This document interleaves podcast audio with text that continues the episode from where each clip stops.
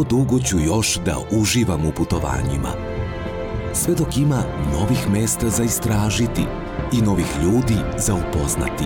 Za više bezbrižnih putovanja probajte OMV Max Motion Diesel. Produžava životni vek motora. OMV Energija za bolji život. Ćao svima, dobrodošli u Lab 76 broj 177. Vanja je pomislio da ne znam šta se zbiva oko mene, ali Vanja, ovo je posebno zato što je Mateja večera sa nama, imamo i gosta, pozdrav za Mateju, a pozdrav, posle pozdrav. dva sata, dva dana kašnjenja stigli su Paja i Srki. Da. E, kako ste gospodine Živković? Evo, Simpatično, da. Vrlo, Simpatično. Da, Udrite like zato što smo stigli posle dva dana kašnjenja. Ljudi, izvinite, utorak nije moglo nikako da se organizuje. Baš smo bili... Ani juče. Ani juče. Pa da, Mada, si, da, deki, juče, vi ste deki, mogli juče, ja da, smo bravo. juče obišli celu sezonu Da, 2021. jest, jest. Moto Grand Prix, ali zato u četvrtak, pa nekako u svemu ima neke lepote. Dva dana testiranja Formule 1 su iza nas, ali pre svega, ljudi, vodite računa jednim drugima i vozite računa jednim drugima, mazite se, pazite se i budite dobri.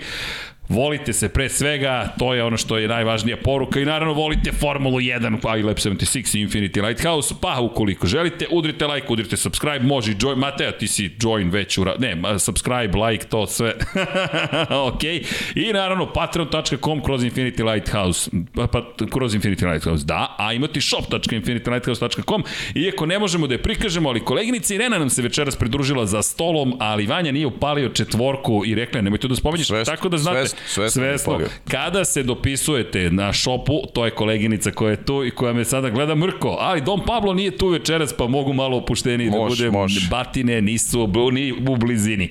Elem, nadam se da ste dobro i da ste spremni. Dobili smo i poklon. Dobili smo, ej da, poklon. Ljudi, Mateja navija za Mercedes, tako da nam je... ne, ne, sad pokazuje boje. Opa, Alpinina majica, o, ali da bi poklonio Ferrari. Pa je ovo je za tebe, ja mislim.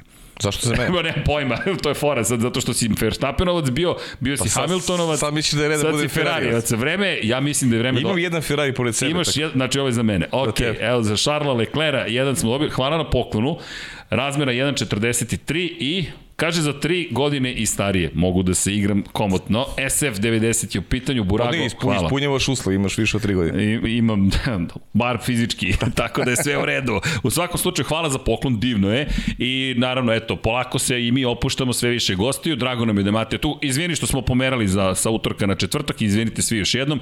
Ali, eto, iskoristili smo situaciju da se malo reorganizujemo i nekome zvoni telefon. Ne znam kome zvoni telefon, ali, Paju si ti? Ne, ne. Nek, nečiji telefon negde zvoni, enigma zvana, telefon je ušao u studiju na kraju univerzuma.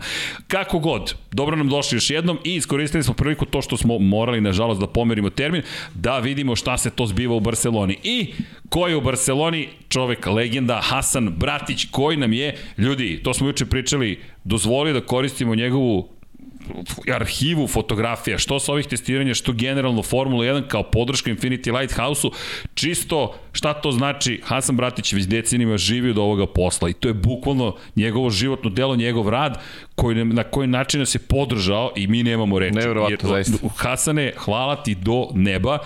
I, I ne znamo kako ti se zahvalim. Evo ga Hasan Bratić za one koji žele da znaju kako izgleda gospodin Ćao. Bratić. Ćao, Hasane. Ćao Hasane, jesi dobro? Odlično. Evo, malo umoran, ali dobro. Ali dobro, to u Barceloni, to si u nekoj garaži, Mercedesovoj ili... Upa, jese, ne, u nekom divnom hotelu. Kakav je bio dan? Ti si to ova dva dana na testiranjem u Barceloni, je li tako? Da, da jesam. Do, dug dan. Po- Počneš u pola osam, dođeš na stazu, pripreme, u devet počinje uh, odmah to testiranje, do šest i onda ponovo slika na kraju, dok i završiš, nema prije os, osam sati, nema da, da si gotov. I reci nam, nećemo da te pitamo o tvojoj karijeri. To te čekamo ovde da je koleginica večeras da dođeš, sedneš u zelenu stolicu i da nam pričaš kako si počeo. Samo da se, da se zna, ti od 1996. fotografišeš Formulu 1. Tačno. Andrej Isaković je pričao tebi, tu je Hasane 25 godina, 26 sezona i iza tebe ovo je 27. Tačno. Ti si gledao kako Damon Hill osvaja titulu, Schumacher sa Ferrarijem, Jacques Villeneuve, Mika Hakkinen, Sebastian Vettel, Jenson Button, ja ne znam šta sve nisi ispratio. Da, tačno. Pa to je čisto kao kratak uvod, ali to ostavljamo za priču kada nam dođeš ovde. Ok. Kakav je osjećaj? Ej, krenula je sezona na neki način. Kako se ti osjećaš ovako ljudski? Otišao si na, na stazu posle nekoliko meseci. Pa znaš, e, kad, kad si nakon 21 trku koja je bila prošle godine, ja sam bio na oko 18, e, bilo bi bilo dobro da je, da je došlo do kraja. Ali recimo tek na početku januara svi smo gledali već na kalendar kad će doći, kad ćemo dalje. I pa zato smo svi došli u ovdje sretni prvo vidi svoje kolege ponovo, Jasno. i popričaš malo kako njihov odmor bio i tako. I onda naravno nova sezona, nove bolide, e, nove, Kako izgledaju? e, sve ove, to, ima ponek jedan vozač novi i šta ja znam, malo se promijenili to boje na bolidima, pa onda bio smo baš ono da, da gledamo šta će biti. I kakav je utisak, ovi novi bolidi, to sve dosta drugačije izgleda. Pa, odlično. Bolidi meni, meni izgledaju super, Sjajno. i e, baš mislili smo ono oni za one, one nove gume veće da će to biti neke male promjene ali uopšte ne, ne, ne vidiš jer nemaš nik, nikakav e, sad one stare gume da, da usporediš nego to su te gume koji se sad koriste bez problema Sjajno. Vidi, nama ovako sa strane, mi ćemo iskoristiti tvoje fotografije večeras. Malo ćemo da crtamo po njima ko je tu šta uradio. Ovako, Ok. pa da, znaš, ko je šta uradio Samo sa prednjim jel' zadnjim. Kako? samo mogu biti bolje Pa, to, pa vidi, vidi, nema šanse, ne, ne, ne, ne mogu da budu bolje. Ovo je savršenstvo, bukvalno. I ono što je nama predivno, tolika arhiva, odjednom gledaš fotografije od danas, od juče, to se to, to je dešava se. Ali da te pitam, tvoj utisak ovako sa strane ekipe, da li ti se neko izdvaja dobro, loše, osrednje ili ne? Znaš, ti ih posmatraš sa neke druge strane, ali da li uopšte imaš vremena i da vidiš šta se tu sve zbiva sada u padoku ili i u garažama ili pravac krivine i jurnjeva? Pa, dobro, mi imamo um, ono, nek, bolje nam je pristup nek što je bilo prije sad dvije godine od COVID-a, pa su nam dali malo, malo veću slobodu, to znači možemo ići u pedok, možemo ići u pit lane, ali zato moramo aplicirati, jer samo um, 2-25 fotografa mogu biti odjednom u pit lane tako su to rekli, ali nema problema Ok. za to, ima, ima neki, neki bip za to e, ekstra koji dobiješ, a po stazi ideš, kaže normalno, e, bolje ti je na testiranju, nema neke velike mjera. Prvo nema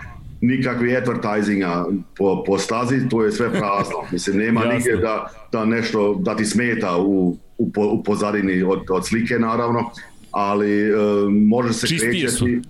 Molim? Čistije su. Tačno, tačno. A mi moramo, možemo na testiranje, možemo se kretati, recimo, ne sam, ne, ne, prije smo na trci, moraš stati iza fenca, to znači Jasno. te ograde, a sad, sad idemo napred, bez problema. Nik, O, pa niko nas ne tjera od toga, pa ipak lakše imaš bolji pristup. Lepo, i kakav ti utisak? Je ti neka ekipa se izdvaja ili su stari dobri već junaci? Mercedes, Red Bull i možda Ferrari i McLaren? Pa dobro, mislim da, da, da ove, ove velike će isto dalje da, dobro posao uradili. Um, mislim, meni naj, najbolje se sviđa McLaren, da pravo kažem, O, lepo. to se baš tu vidiš, te boju. Ja. Ferrari je crveno mi je ove godine isto super, prošle godine mi je nekako nije baš bilo naj, najljepše to crveno, ali ove godine je super. E, Mercedes mi nekako srebreno naravno, ali ne znam, fali mi ko nešto, neki eye catcher, nešto da se, da se vidi na Da se bolidu, izdvoji nešto, baš. Ono, Da, da. Ferrari, kažem, sa svojim, ima neki skroz drugi dizajn ko, ko ovi drugi neki, pa, pa ćemo vidjeti e, kako će biti. Mislim, ci- mis- mi vani smo, kako smo na stazi, mi najmanje znamo šta se dešava.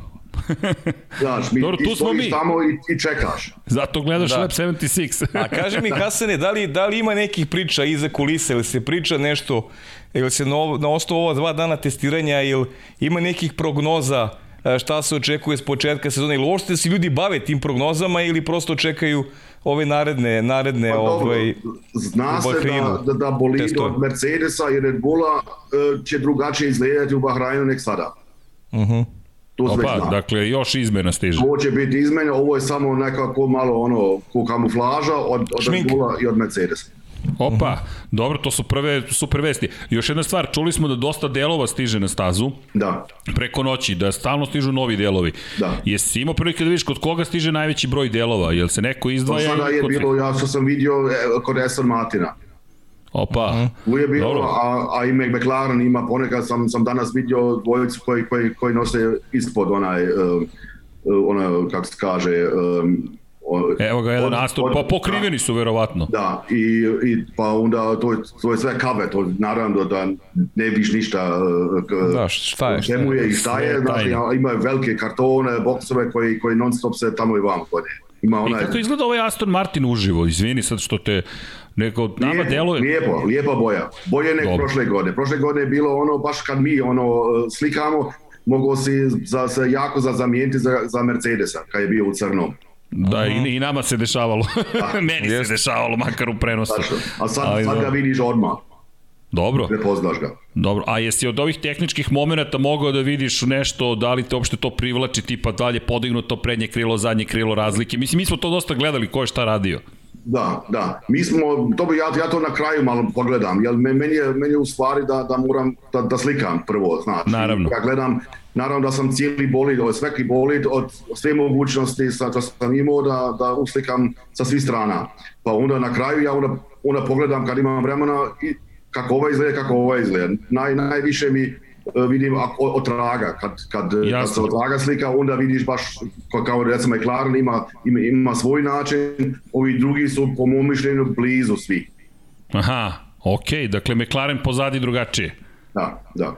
Da. Dobro, a pa, da vidi, ma, ma, ući ćemo sad mi fotografije, ćemo baciti pogled, analizirati. Prosto nam je nekako bitno da vidimo, znaš, ti si na licu mesta, kakve... Da, i atmosfera iz perspektive onoga što se dešavalo na kraju prošle godine. Nekako, na, ma, naš utisak sa strane, ljudi, gotovo, idemo dalje. Prosto, da, naravno, nova sezona počela. Dobro, u, u preskonferencijama no, novinari su pitali, naravno, Hamiltona i i Verstappena, ali, ali to nik, nikoga više blago ne interesuje. On kaže ovo je, to je bilo prošlost, mi imamo sad novu sezonu, nove bolide i nama ne interesuje šta je bilo u Abu Dhabi. Mm. Da, splasla je ta napetost definitivno i svi su okrenuli ono što nas čeka u ovoj godini. Tačno, sve, sve novim tragovima i ne, nema okricanja šta je bilo od traga, nema ništa. Mm -hmm. Da, i ovde gledamo po fotografijama, Vanja, šaljem ti još neke fotografije zanimljive. Naravno, kamuflažna boja za Alfa Romeo, čekamo da vidimo. Alfa koja nije imala mnogo krugova prvog dana, tek nešto preko 20. Haas je takođe imao veoma mali broj krugova. Uglavnom, međutim, ono što si ti rekao kada smo se čuli malo pre, nije bilo crvenih zastava prvog dana. Da, nikako.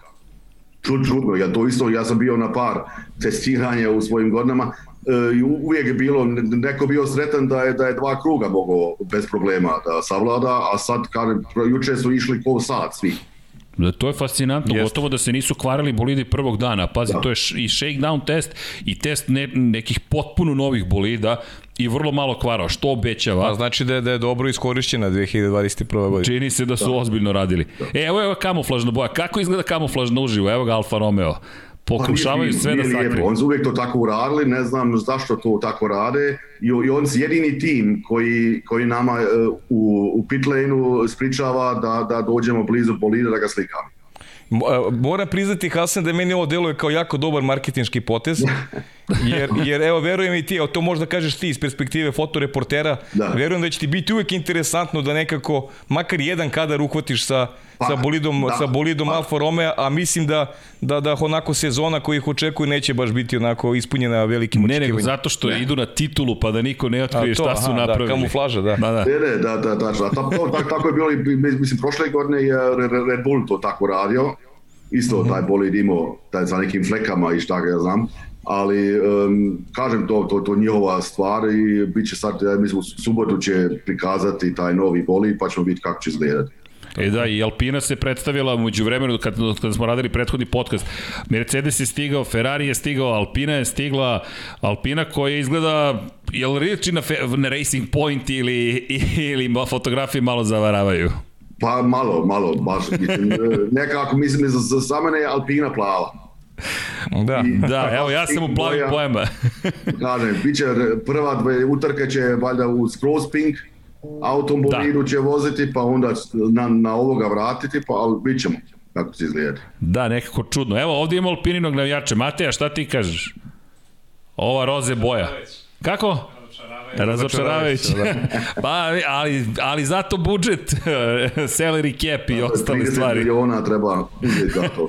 da, da, da, pa dobro, platili su da bude malo roze. Just. Pink Pantheri. Da. Ali Force India i dalje živi. Force India svugde provejava nekako. I evo Esteban Okon ponovo u roze bojama. Pa to mu je suđeno. E, Esteban Okon je kriv za sve Obrni, zapravo. Obrni, okreni, njemu je suđena roze boja. da, da. I inače, naša koleginica Jelena je danas bila takođe, mislim da će biti i sutra. E, prvog dana nije mogla da dođe, ali tu je bilo je danas. Uspora da propriča i sa Verstappenom, sa Cunodom je pričala, tako da će i sutra biti tamo. I eto, držite nam palčeve i hasane da se mi vidimo na stazi, naravno. Mi imamo mi još pitanja, naravno, ali imamo mi ovde vesti i svega, nego... Da se vidimo i ovde, Hasane, to je da. osnovna stvar. Tu, pa, to je ona zapravo Da se glavna, lepo ispričamo, da. glavna stvar. I, i, I fotografije su fantastične. Hvala. E, ono što me, znaš šta me još zanima? Da li je bilo puno od onih čuvenih flow viz boja kada ofarbaju bolid? Evo je Alpina, hvala, Vanja. Neko, neko sviju, mislim, neki su uradili, on su na, najviše su imali ko, ko neke žice okolo auta. E, kao, to kao imamo instrumente sad... za, za, za mjerenje, to su na, najviše dva, tri prva kruga su vozili oko, oko staze u, nekom, u, u nekim uh, kilometražom koji su valjda dobri od inženjera. Pa da, pito cevi se često koriste da, u suštini. Da, da. Pito cev, to o tome smo pričali, koja meri razliku u vazdušnom pritisku između ukupnog pritiska i statičkog pritiska i na taj način dobiješ informacije zapravo o brzini. I, na primjer, Red Bull, imaš fotografiju sa Red Bullom, to ćemo isto prikazati. To je Alfa na Tauri, kojoj... ja znam, to sve ima velike ti. Jeste, tu, tu, tu zapravo se meri i u suštini ti instrumenti su veoma značajni, s obzirom na činjenicu da je da, da, evo, u stvari ovo je bez, ovo je, ali opet, ok, evo ga Sergio Perez, Inače, Red Bull, naravno, potpuno drugačije izgleda nego na prezentaciji. Da. Danas su imali probleme s menjačem, da. ali... Prvi, prvi iz, iz, izvote tu crvenu zastavu danas, što je da. stavo, što je imao problema sa, sa menjačom, sa gearboxom, valjda. Uh -huh, jeste. Jest. I ima, ima još jedna fotografija, vidjet ćeš ga vanje sa brojem 11, uh, vidjet ćeš od, od silnih ovih fotografija i ono što meni zanimljivo, to ću malo kasnije da vidimo, jeste taj, ta, ta razlika zapravo između uopšte bolida koncepata koji su oni pripremili. Baš ima velikih razlika ko je šta pripremio da. i baš, će, baš, baš puno posla za ekipe da, pa ne samo analiziraju šta je ko postoji, ono što je problem, niko ne zna zapravo ko zaista ima brzinu. Mislim da ćemo tek u Bahreinu videti nešto ozbiljnije M će to biti priprema za prvu trku, M što će proći nekoliko nedelja od momenta kada su završili ova testiranja. Ovo je, ovo je tek prvi izlazak na stazu, a i ovo mi je zanimljiva vest koji se podelio sa nama da i Red Bull i Mercedes već planiraju zapravo izmjene bolida. Da. L logično je nekako. Da. da, logično. Ali dobro, i ovo je lepa vest da su malo manje, red, da manje restriktivne mere za ovu godinu. To već negde isto obećava. Da, evo ga, ovo je kako se zapravo prikupljaju podaci za one koji eventualno ne znaju. Ovo, ovo je zapravo jedan od najvažnijih momenta. Ovde možete da verite zapravo kretanje vazduha, brzinu protoka vazduha i na taj način da napravite vezu između aerotunela i naravno CFD softvera gde ste zapravo radili computer fluid dynamics simulaciju i pokušavali da shvatite kako će ovo sve da funkcioniše i Adrian Newey koji se potrudio, oni su krili Red Bull do poslednjeg momenta, zaista mnogo nekih radikalnih poteza izveo kada je reč o dizajnu ovog bolida, moraju da odbrane titulu, Mercedes mora da vrati titulu za šampionatu vozača, u šampionatu konstruktora da isto odbrani. Malo krivo, krivo dute malo jedni drugi. Da, da, da, Anoga Williams pozadi. U krajnjem slučaju oni su imali onako nekoj završnoj fazi prošle sezone su resurse usmeravali na, na tekuću. Mada mislim da su pripremali dobro i tokom da su radili na tom i tokom godine, ali ovo bih onako nazvao onako igrom skrivalice. A Hasane, jesi mogao možda da uočiš neke razlike u brzinama, da li uopšte, ti znam da si fokusiran u tom momentu kroz objektiv, ali tipa kroz krivine na kočenju, da li uopšte postoji nešto što je što može da otkrije za sada, uopšte ko je uradio bolji posao eventualno? Pa svi probaju, mislim, nešto na, na stazi. Mislim, Barcelona su svi vozili hiljadu puta I, ali svi, e, vidim ja po, po, po vozačima, svak ne, nešto proba neku drugu liniju, da mm -hmm. u mhm. nekim krivina kako počne, kako da izađe iz te krivine, ali e, mislim kako po mom, da, po mom mišljenju mislim Mercedes leži najbolje i najmirnije u krivinama a ovi drugi e, stvarno neko ima problema sa, sa kočenja, ja sam vidio kod, kod Alpine ponekad e, malo, malo se, e, kako se kaže, zahuka auto, malo ono, shaking, kako se kaže, lijevo i desno, e, ali to, to, to, su, to je bilo, da danas već nije bilo tako, to samo bilo juče, onda su valjda otkrili nešto što je bilo, ali vidim da, po, po mom mišljenju, da su isto brzi koji ovi stari automobili.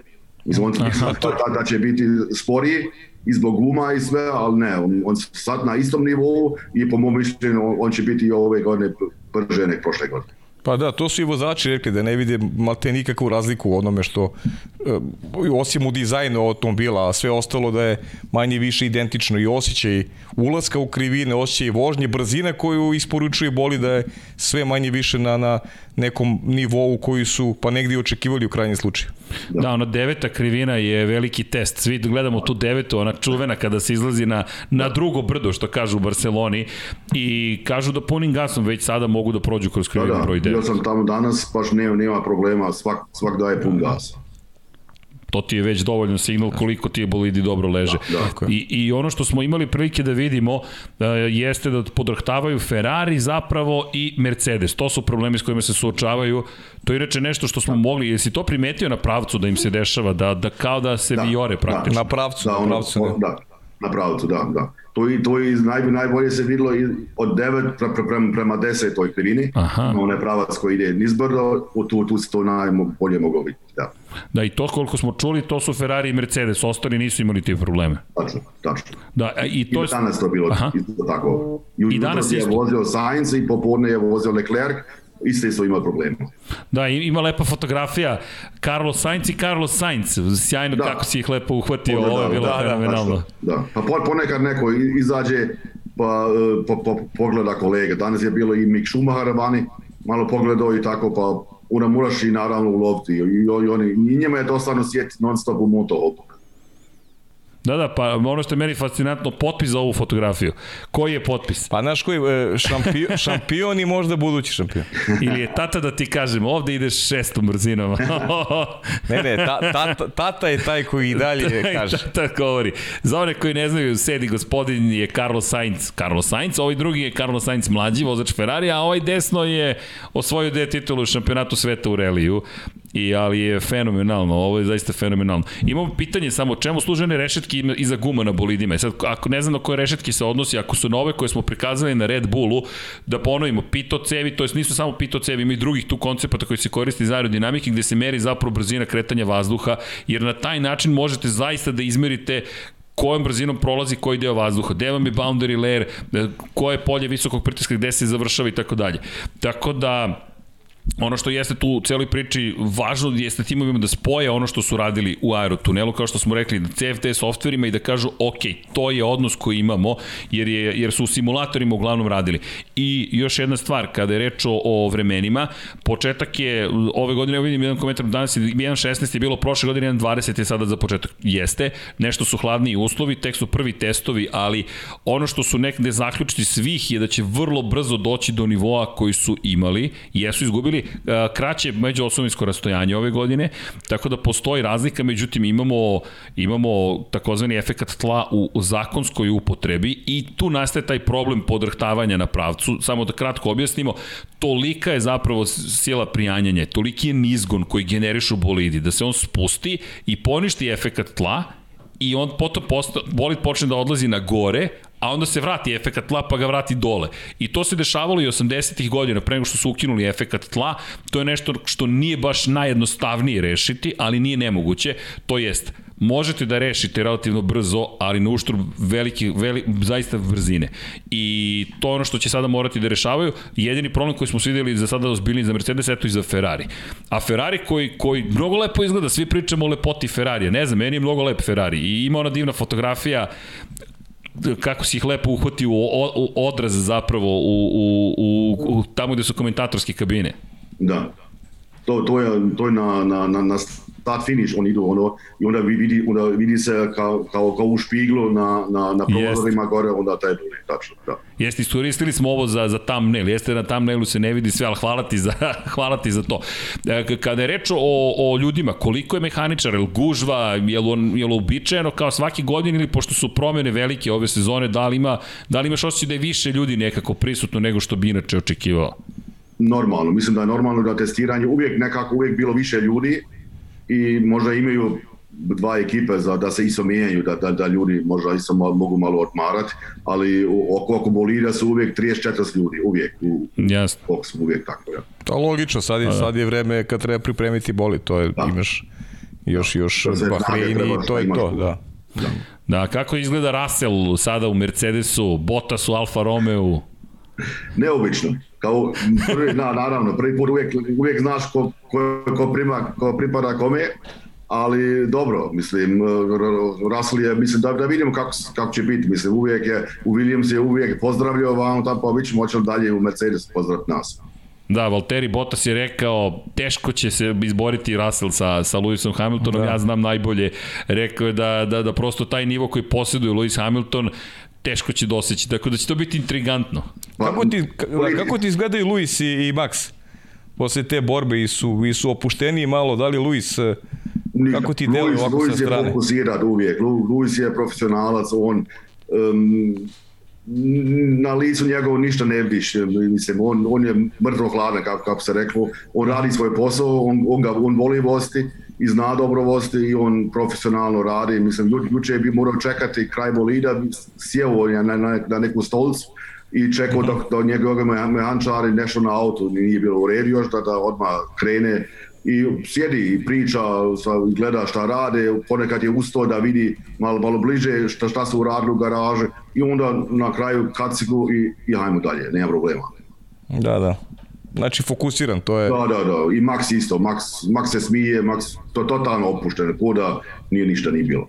Da, evo ga da, bolid da. Mercedesa. Dobro, vraćanje na srebrne boje što kažeš. Da ali izgleda moćno. Meni deluje njihov aerodinamički oblik, mada činjenica, ova zelena Petronas boja malo kao da, što ti kažeš, ništa se ne izdvaja toliko. Da, da.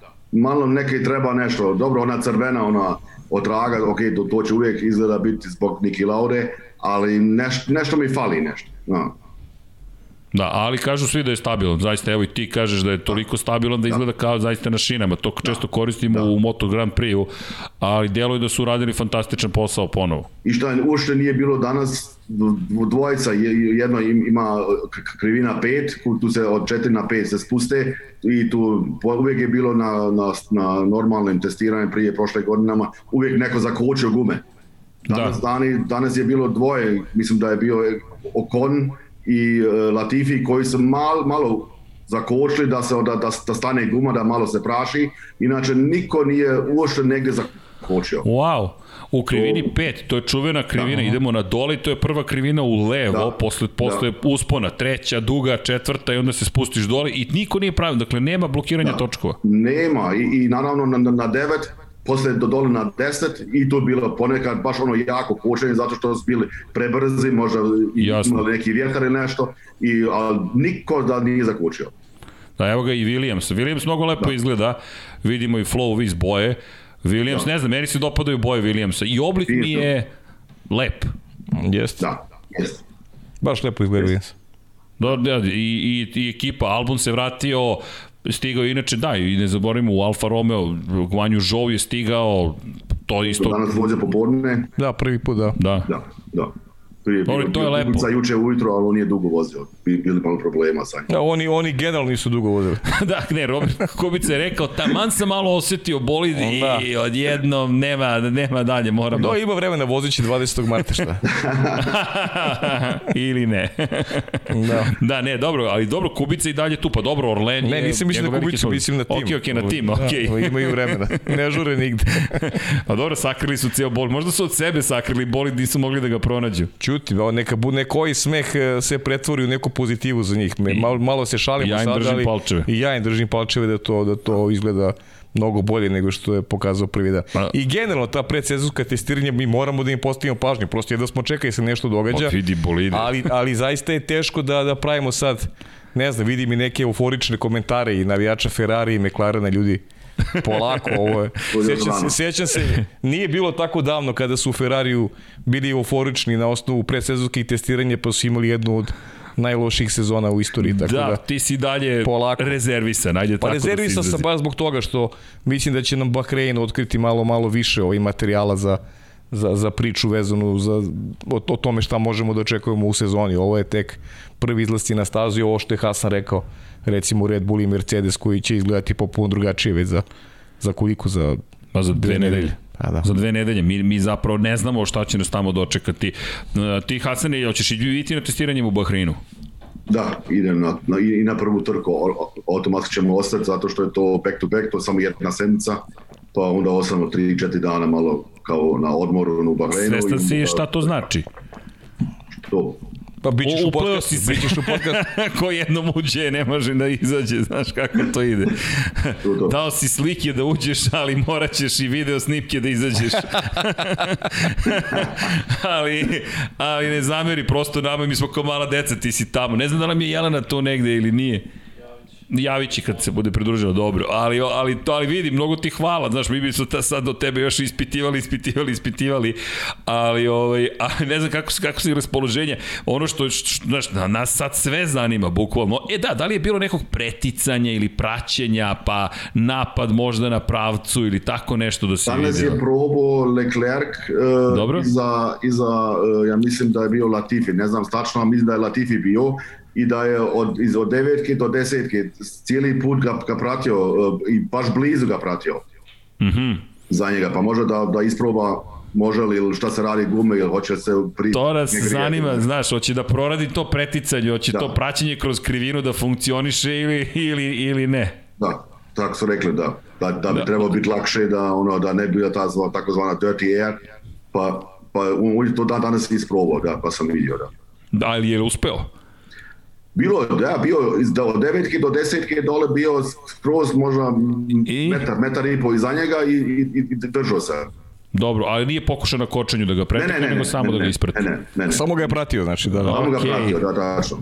Nije bilo nik, nikakvi neki, neki igre, ja tebe preticam, ja, ja, ja ću tebe nazad ili šta ja znam, to baš su nekako uvijek bilo vel, veliki razlak između. Ne žele ni da rizikuju da se da se nešto Ne, ne, ovaj, da, da. da, da napravi sebi Sad da- oštećenja. Pa da, zamisli izgubiš ovaj Boli, da. priliku da testiraš. Ali sutra bismo možda mogli da očekamo Pa ljude, sutra je Pa da, treći to, dan. da. Moraš do kraja sad oteraš trećeg dana. Da. Treći dan. Danas su spustili vremena na 1.19.6, tako da opet je Leclerc bio najbrži. I Da, to je danas. Ferrari drugi Da. put za redom, ali opet, polako, to je Pa da. predsezona, ko sme da poceni Mercedes ili Red Bull i da kaže, iako Ferrari deluje bolje, čak i Matija Binotto rekao, ne, ne, ne, hvala, nismo mi favoriti, oni moraju da zadrže ulogu favorita, hvala im najlepše, pa, pamet, ali ne hvala. Pametna reakcija, Mati Binota. Pa mora malo, mo- mora prosto da spusti nekako loptu. Jesu svi šefovi timova tu, inače, pretpostavljam da su svi, Jesu, Da. naravno, da, da, da, Dobro. da, jesu, da, da. da, to, to je logično. Dobro, najveće promene u Alpini, svi ostali su nekako već smo navikli. Nema Alana Prosta, to je, ajde, velika promena. I... Ali nisam vidio Saufnera, izgleda da, da, da, da nije tu. Njega nisam. Aha, Da, da, da, interesantno. da. E, da, Bez i da, konferencije juče i danas, ali uh, on nije bio. E, znaš šta me zanimaš, Kasane, nevezano sad za, za samo ovaj, za timove, za vozače. Da li primećuješ da može im- ime više interesovanja medija u odnosu na prošlu godinu upravo zbog ovakve sezone e, spektakularne završnice koji smo prisustvovali na, na, na kraju prošle? Da, vidim, vidim. Ima više, a? Ima više, ima više. Mislim, prije, zadnje dvije godine su zbog COVID-a malo bilo te, te mjere ma, ma, manje za, za uh, žurnaliste, ali vidim sad su baš više, Haman ona ima veliki pres centar na Barceloni i da, da, je, da je prilično sve stolove puni. Uh Od foto, Ok. fotografa naravno ima oni ovi normalni ovi koji mi uvijek koji pratimo, ima par lo- lokalaca, to nije, ali ima ovi pišu ovi žurnalisti baš ima ima puno toga. I pritom taj centar uopšte nije mali. Ne, ne, i on je baš ogroman, ja. Baš je velik centar i, i sad je to sve puno. Da, da. O, wow, to, to je baš ozbiljno interesovanje. To, i to i prije nije nikad bio ni na, na testiranju, uvijek su bile dva, tri reda, ono, što je bilo slobodno, ali sad je baš sve puno. Logično. Mi Da. očekivali smo tako nešto. A to je ono što si rekao. Bolje da pitamo, da. E, jeste vidjeli informaciju Formula 1 koja je plasirala 108 miliona ljudi gledalo poslednju trku, a 101 milion je gledao Super Bowl. Da. To je Podatak. odavno nije se desilo da Podatak za ponos, Za, naravno. bukvalno za ponos. A pričamo o dugoj sezoni, o decembru, pričamo o, o uspehu na kraju dana za med, iz medijske perspektive za Liberty Kako Media. ne, pa dobro, to, to, to, to smo i raspravili više puta. Zaista je sezona bila takva posljednja trka, pa št, mislim, logično. Gledali su oni koje, koje ne zanima Formula 1. Da, bukvalno su gledali oni koji o zanima. Pa da, spektakl je prosto bio. Da. Ljudi vole da gledaju spektakl. Da, da. Pa ko ne voli pa spektakl? Tako je. To je to, normalno. to, I na kraju je Liberty sigurno do, do, dosta zaradila para, jer prvi put e, sad imaju svoj, svoj motor u pedok. Opa, stigu Napravili motorhome. Eto, pa da. Ej, to je, vidi, to nisu male stvari. Svojevremeno smo imali ratove zapravo tih domaćinstava, Da. gde se takmičio ko će da ima veće domaćinstvo. I ti ako imaš malo domaćinstvo, ti pokazuješ da si slab. Tako da domaćinstvo dosta znači. Ali, da šta mi to još govori? Ako su oni spremili domaćinstvo, oni se spremaju da se otvori padok i za goste. Da, imaju, imaju, naravno svaki tim ima svoje goste, i, ali mislim nemamo gledavoca ni, ni jednoga na tribinima, nema kamera, kako znate, nema prenosa neki live, nek samo naveče to. A e, gosti od, od timova mo, mo, mogu ući, a ima i priprilično dosta. Ja. Jasno. Pa ne, vidi, ove godine očekujemo i u Moto Grand Prix su potvrdili, neće biti sada za Katar, neće biti gosti u padoku, ali su rekli, očekuju ove sezone da će se to otvoriti. Koliko sam video, Italija ukida 31. marta sve, praktično zabrane. Da, jeste. Tako da, pretpostavljam da će se to odnositi i na sportske događaje. Jeste. to je neki utisak. Pa mislim da, da idemo polako u, u tom pravcu. E da, i Hasan, još jedna stvar. Podelio si nam informaciju da, pre nego što smo krenuli. Nažalost, moramo da se dotaknemo i, i, i te teme. Uh, apropo i cijele situacije Ukrajina, Rusija, kako se odražava na Formulu 1. Ja ću samo kratko jedan komentar dam apropo cijele priče. Rat je grozna stvar i mrzim rat. I nažalost mnogo ljudi će gde god u bilo kom sukobu na planeti Zemlji da strada i ne želim da ulazim uopšte u politiku, samo mi je žao svakog čoveka koji, koji, koji doživi i proživi takve stvari, ali činjenica je da kako, kako god mi mišljenje imali da će se neke stvari nažalost ružne desiti i ne ulazim uopšte opravdanost, neopravdanost, ko je na čijoj strani ne zanima me, ljudski životi su svetinja, ali činjenica je da je najveći sponsor ekipe Haas u Ralkali, neko ko će verovatno biti ako već nije pogođen sankcijama i da je pitanje da li će oni moći da nastave saradnju. Pored toga, eh, Haas dosta zavisi od tog sponzorstva, Nikita Mazepin ni ne vozi pod ruskom zastavom i sigurno će imati uticaja. Konačno Sebastian Vettel jutro se rekao da on neće ići u Rusiju ukoliko bude velike nagrade Rusije apropo Hasa, zaista ne želim da uvlačim u celu tu priču, ali koliko sam te razumeo, oni će farbati bolid večeras ako se ako se Pa večeras su već skinuli u garaži sve od, šta je od sponzora, Jasno. Urakaj, sve su sve ski skinuli i sutra će valjda voziti sa, sa, sa potpuno bijelom uh, bolidu.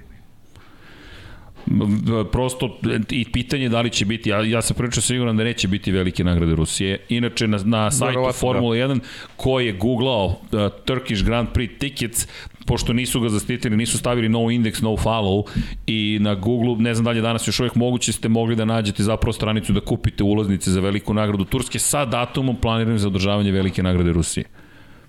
Tako da su to, to se već dešava. Da, mnogi, mislim sad nije javno, ali, ali mnogi vozače uh, ne bi rado da, da, da idu tamo kada ne može bi odvoziti i sladiti, a, a na drugoj strani uh, gine ljudi. Tako da. Jasno. Eto, to je gotovo sigurno da neće, da, da, da trenutno kako stoje stvari neće biti velike nagrade Rusije. A što se tiče ovoga za Tursku, eto, nismo dobili nikakvu potvrdu, ali jeste bilo moguće naći prosto stranicu na kojoj se prodaju karte za, za veliku nagradu Turske. To su sakrili, evo vidim da su sakrili, ali činjenica je da je to 25. september. U svakom slučaju, eto, Haas će biti najverovatnije u belim bojama, a vratit ćemo se mi o ostalim stvarima nema Pa da, ništa drugo da dodam. ćemo i kasnije Tako malo je. još, da, da, ajde, da, da sad Tako da. Hasana sa tim ovaj ne, Ne opterećujemo, ne naravno. opterećujemo, tako je. Nema problema, sve okej. Okay. Vidi, pa, prosto to, to je isto deo Formule 1. E da, i sad spomenuo si točkove. Kako tebi izgledaju ovi točkovi pokriveni uživo i ove niskoprofilne gume? Nije mi lijepo da to Nije. kažem. Da, e, men, ja, ja, ja sam u- uvijek želio da i, i pravio slike od kočenja gdje, gdje se vide sve, sve, sve crveno. Kad Diskovi počne kako, kako da. gore prosto, da. Da, zori, tačno i to, to sam mogao pa, par, kod par bolida kao, kao što je bio Haas, kao što je bio Williams. Jasno. E, pa sam to, to ra- ra- rado slikao i vidio, a sad, sad ne, ne, sve je zakriveno i ne, ne možeš ništa podijeti. I meni ne, je izgleda fino, meni su bile ranije one felge baš lijepi koji su imali, i, ali ovo šta nešto ko, ne znam, nešto nije, nije lijepo. Vanja mi je spremio olovčicu. Vanja mi je sve spre- spremio. Jel tu i Jelena? I Jelena nam se pridružila. Čekaj, ovde je cela ekipa iz Barcelone. Ajmo da čujemo na Jelenu. Gde si, Eco, jel se čujemo? Ne čujemo se. Sad će, nema veze, Hasane, zato si ti tu. Evo je Jelena. Jelena, jel se čujemo? A, Ti si opet Ćao, negde u čekaj sekund. Čekaj sekund. jesi opet u da Zagrebu? dođem- Nisam Opet opet u kafiću. Zagrebu. Opet Ušla sam u kafiću. kola. Evo Nela da se javi. Ćao. Ćao. Uh, upravo sam izašla iz voza i malo sam u mraku, kao što Malo vidite si mnogo u mraku, kao što možemo da vidimo, ali dobro, to Da, je sve okej. a mislim da je najbolje da se javim kada dođem kući. E, jedno može, može, minuta. okej, može. e, ali jelo, samo može, kratko nam jelo. reci, evo, ti si pričala s Cunodom i s Verstappenom, šta kažu? Uh, pa pogledajte na sajtu sport kluba i Ja, vestima ja, iz pa, Crnogora. pa, pa čekaj. E, Tsunoda je Ok, bio pametan. dodat ćemo link ka, ka, ka sajtu. Da, to bi bilo pametno, a Tsunoda je rekao da svi skrivaju karte, pa i oni, kao u fazonu, pa dobro. a Verstappen je rekao da moraju da rade kao u fazonu, pa na generalnim stvarima, na tome da nam bolid bude brži. Da li se E. sjećate? Da, da, da, da, da. Ali, ali jako mi izgleda japanski vozači ne vole da, da pretrano kriju informacije. Se sjećate kada ko je, jel Taki Inu je otkrivao tajne koje ne, ne, o nedozvoljenim radnjama Zoranu Živkovu u intervju i čovjek O, da. bukvalno opisivao ka šta rade što nije dozvoljeno. I Zoran koji mogu kaže, da te okej. prekinem sada da ja Naravno. se isključim pa da se javim Isključuj kad se, dođem kući? čujemo Može, se kasnije. može, jelo, može, jelo. Ćao, Ćao. Ćao. Okej. Okay. Stavit ćemo vam i link u description što kažu. Eto, Hasane, čuli smo. Yuki Tsunoda otkriva tajne. Da ne otkriva, znamo svi da kriju karte. Ko zna koliko su ovi bolidi zapravo zaista brzi. Pa sigurno su brži od 1.19. pa pazi, od 1.96 imam osjećaj da će svi biti brži. da.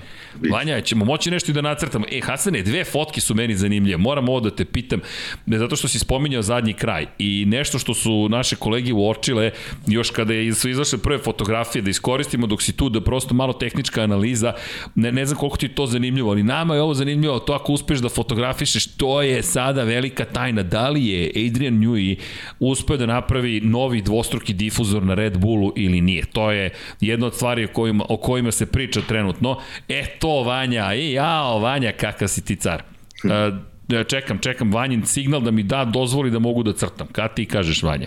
E, vidi, vidi, vidi, crtaš po to, Vanja. Ček sad samo da nađemo gde smo u celoj ovoj priči. Ajde da vidim. Evo me, opa, sada probamo ovde da dođemo. Izašao sam sa ekrana, dobro? Ne zameri Hasane malo dok se uvežbam Sve sa, sa, okej. sa četkicom. To je live. To je to, pa naravno. E, ček da imamo Vanja, gde sam? Ok, malo niže. Ovde. Dole, neće da uhvati. Aha, na drugu stranu. Ne, ne, izašao sam sa ekrana. Čekajte dok se malo uskombiram. Ali, ispod orakla, dakle, ispod orakla, drugi, onaj donji deo krila, žutom bojem, e, to Vanja, daj sad da probamo da prose... A ja sam naopački stavio, to hoćeš da mi kažeš.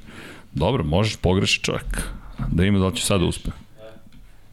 A, naopečki sam bio stavio, izvinjam se. E, ovaj ovde deo, ljudi, obratite pažnju na ovaj deo. Ovde, za one koji su na audio platformama, govorimo zapravo o donjem nosećem elementu krila. Obratite pažnju, ajde da probam da vidim da li ću uspeti. Mate, ako hoćeš da vidiš, moraš da dođeš ovde. Ovaj ovde otvor praktično, ako ispratite, ovde imamo nešto što glumi praktično dvostruki difuzor. Ovde imate otvor praktično i ovo je ovde deo, ako vidite, je mnogo blizu difuzora, ovo ovde dole je difuzor, sad šta su oni uradili, ako se vratimo tamo ka 2009. i 10. može brisanje Vanja, ako ti nije problem, bilo bi super da pobrišemo ovo, ja mislim da ljudi ništa više ne mogu da vide. Elem, ali ako obratimo pažnju na taj žuti deo, dakle, ovo je ovde deo, možemo da vidimo zapravo da je Adrian Newey, spustivši i ovaj deo ovde, produžio na neki način difuzor i ovde stvorio jedan vrlo zanimljiv element. Ovde praktično imamo još prostora da se iskoristi aerodinamika koja dolazi ovim putem ovde i ovo je ovde sistem za hlađenje naravno, koji je dosta različit od, od ekipe do ekipe. I sad Red Bull sa strane malo drugačije pristupio stvarima. Ima jedna vanja dobra fotka Red Bull sa strane.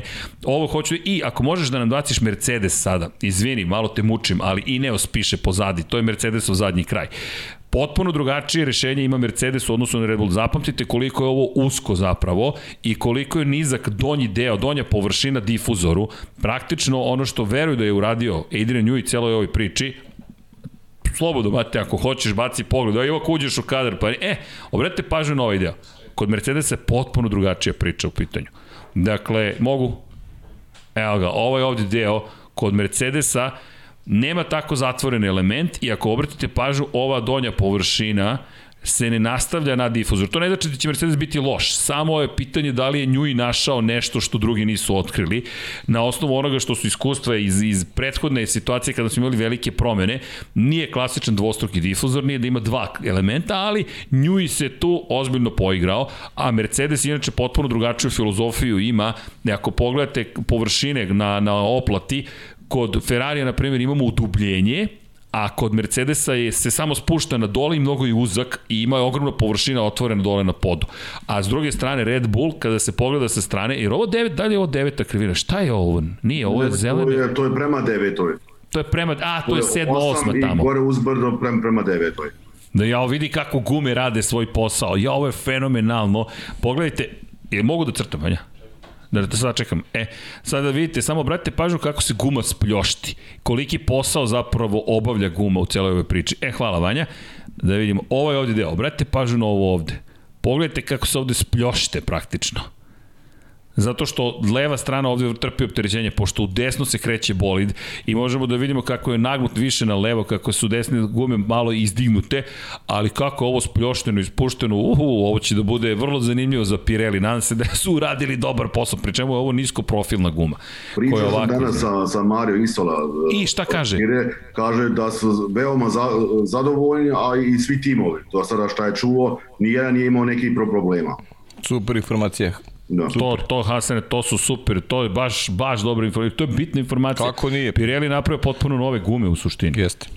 I ovo nije mala stvar, to imaš ne, takvu promenu. Da, A jesu, je li ima nekih priča oko očekivanja za, za, za, za taktike? Jedno, dva stajanja, tri stajanja, jel se zna možda? Još nije to, nije, pitao sam ga, ali kaže još, još nisu ništa o, o, o tome razgovarali, ali bit će to sigurno za, za, za Bahrein će oni, oni, oni znati već kako će. Da, inače vreme koli nema snega. Znam da se postovo... 2018. nema, nema. Fino vreme, 15 stepeni, 16 stepeni, pla, plavo nebo, odlično. Ponosi kupaće. Malo vjetar. To. Da. Super. Možemo sva trojice na plažu. to, to, to. To bi bio hit na Barceloneti. To može i ovde za plažu. da, da, a to 2018. za one koji ne znaju, bukvalno je sneg padao tokom predsezonskih testiranja. To, to je baš bila jedna bizarna situacija. Da. Ali dobro za fotkanje. Nosili su lance na, na testiranje. da, to, to, to, to. Ne, mislili smo, htjeli smo, ali, ali, ali čekali su dok, dok je staza bila sva. ali to bi bilo dobro, da izađe neki makar kadar. Da, pa makar malo da nešto, da, da. Pitali smo, ali nije, nije niko bio. Nisu baš bili raspoloženi za takvu ne, akciju. Ne, ne, da riskiraju. A, jako, dobro, pa dobro, to, to, to su sve u redu stvari. Dobro, ima još nešto što smo propustili možda da pitamo, što si primetio da se događa trenutno kažem ti, ovo, sve ove svak, svak gleda sebe momentalno da svoj, svoj bolid još nema nikakve politike ili niko još nije nešto rekao da je da možda na, na drugom bolidu nešto nije kako treba po, po, po fijenim regulacijama, zato, zato čekamo.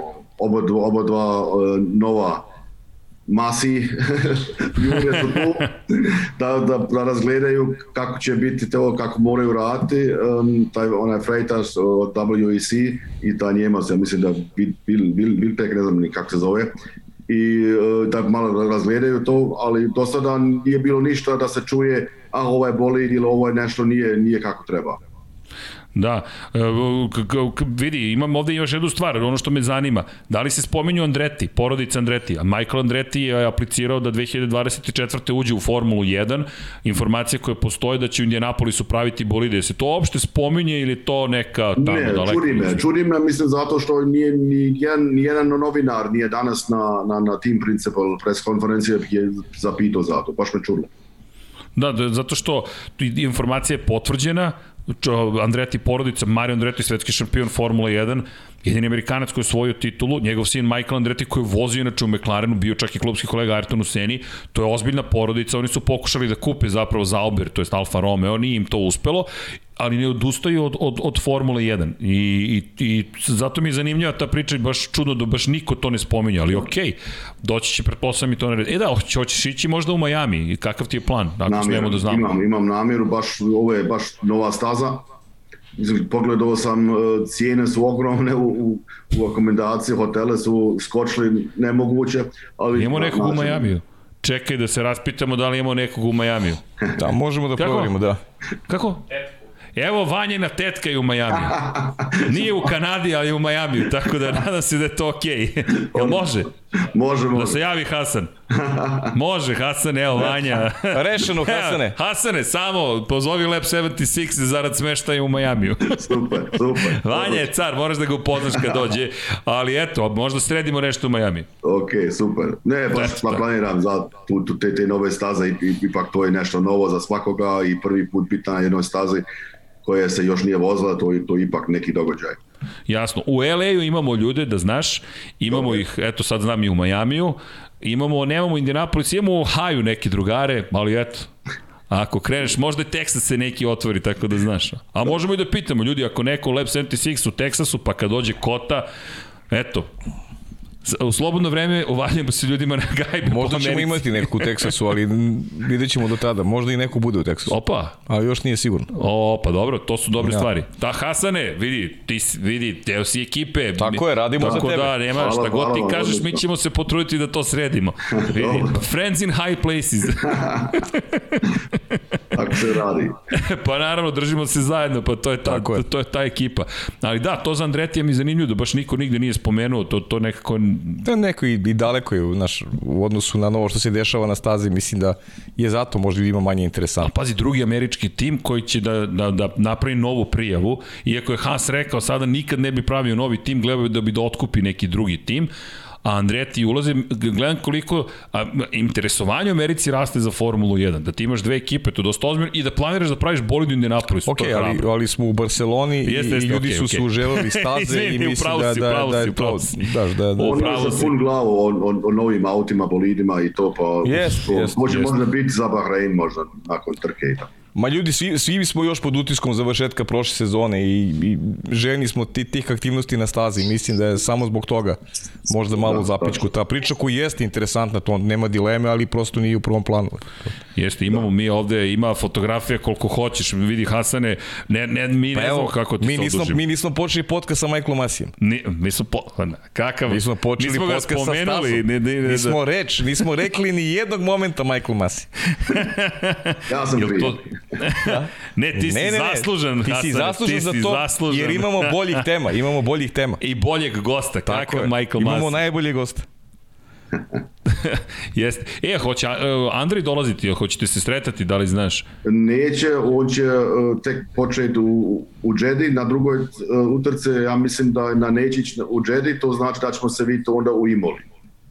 Aha, u Imoli, znači. U Imoli, dobro. Još nisam sredio, možda ću ići u Džedo, pa, pa iću, ne znam. Dobro. Da, Saudijska Arabija je ove godine na početku sezone, nije na kraju kao što je bilo prošle. Da, da, duga utakmica. Da, da, da. Ali dobro, ej, to su super stvari. Vidi, još uvijek nosiš F1 medija, da stiglo se tek u pa, hotel. Evo, dobili smo, dobili smo uh, napokon to. odmah za cijelu sezonu, pa dobro. To si ti dobio, ne dobio to svi. okay. Nije to baš tek tako. Još ne piše, no još ne piše Infinity Lighthouse. Na, da. da, give us time, Pisaću, što kaže. Da, tako je, tako je. Ali da. U, čekaj, imamo muziku. A, Vanja nam je u muzici nešto. A, ako smo ti se izgubili, ne brini, to smo ovde počeli, smo, žurka je počela, žurka je uveliko počela. Neka treba slaviti. Pa vidi, mi ovde Jel se... mogu ja da se priključim Opa, toj žurki? Jelena, Opa! ti si stigla, imaš i toster i, i, i mleko. Sve, sve, sve, sve, sve. Gde smo mi? Gde to nije mi? mleko, je. smo mi tu? O, vidi ti je... Ćao. Ćao. Čekaj, čekaj, sad će ekipa da se javi ovo, samo kratko. Ljudi ne znaju, ali ovo je ekipa sa MotoGP-a zapravo. Tako Aha, da dobro, ovo znači, dobro, MotoGP koji su upali ja, u Lab Six. Tvoj dobro poznat tim. e, Jelena je hakovala, e, dobro veče svima. E, zašto na TV čao, nije čao. YouTube? Slušaj, malo bi bilo previše. e, malo bi bilo previše. Ej, nećemo dugo te zadržamo, samo kratko, evo Hasan nam je takođe to. Kakav ti utisak? E, ja moram ja, javno da se zahvalim Hasanu, pošto e, prvi put u životu sam na Formuli 1 od sama, danas bila, i e, razmišljam danas, joj Bože, samo ću ja da slikam, niko mene neće da slika i e, ulazim u medija centar i na Instagram mi stiže slika od njega. Tako da, ovaj, e, moj utisci, pa, znaš šta, lepo je vratiti se na stazu, iskreno ti kažem. Mislim, Formulu 1, pošto nisam bila, bog me, sedam i po godina, ako dobro računam. E, dobro, sledeće nedelje nas čeka MotoGP, jel te? Jeste. E, ali uh, bilo je zanimljivo, uh, shvatila sam koliko mi zaista nedostaje Formula 1 da je gledam uživo, uh, onako uživala sam pored staze. Kakvi Bila su sam ti bolidi? pored- Čekaj, čekaj, kakvi su ti bolidi? Lepi su mi. Ko je najlepši? Uh, Alpin. Stvarno? So, Da. Mateja će biti zadovoljan, Alpina da, da. kaže da znaš, Jeca kaže Alpina. A ova Da. roze boja ne smeta. E, ne, baš daje neki, neki šmek. Znaš šta, lep mi je Aston Martin i Mercedes onako, uh, Ferrari mnogo lepše izgleda uživo ovaj, nego na slikama, onako ta tamnija crvena ovaj, mi se sviđa i Williams je lep. Williams Jeste. je baš lep. Ali mislim, e, misel, na slikama mi su mi izgledali mnogo ru- ružnije nego uživo. Možda sad meni ono kvari utisak. O, to jest popravi Ne, ne, utisak. ti si u Barceloni i sve ti je lepo tamo. Vidi, To, da, da, to. teško je. Mnogo je teško, da. Sutra imamo karneval ovde, deca učestvuju u karnevalu, i, to jest danas je počeo karneval u Siđesu, tako da ovaj, bit će ovde žurke, zato sam pitala jel mogu da se pridružim i toj vašoj. Da, vidi. A, ovde, bravo, ova, može, može, jelo, može. Može, uvek, Žurka, uvek tra- primamo goste. Trajno, sk- trajno ovde traje, ovde ne, pre, ne prestaje žurka nikada, znaš i sama. E, nećemo Znam. te zadržamo, znamo se spremate za večeru, samo smo hteli kratko te čujemo. Hvala, hvala, Sve u hvala. Ne, ne, Lep osjećaj. Izvinjavam se što se nisam ranije, ali nisam imala i, pusti se, ovaj te. dometa uopšte.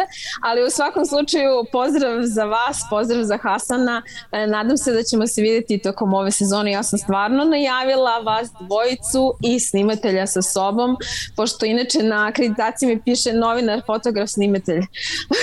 Tako da in one. ne želim, tri u jedan. Niko kafa. ne, ne želim da budem to stalno. Ni, samo, ništa ne, samo ništa danas, nemoj da brineš. Ne, ekipa je spremna.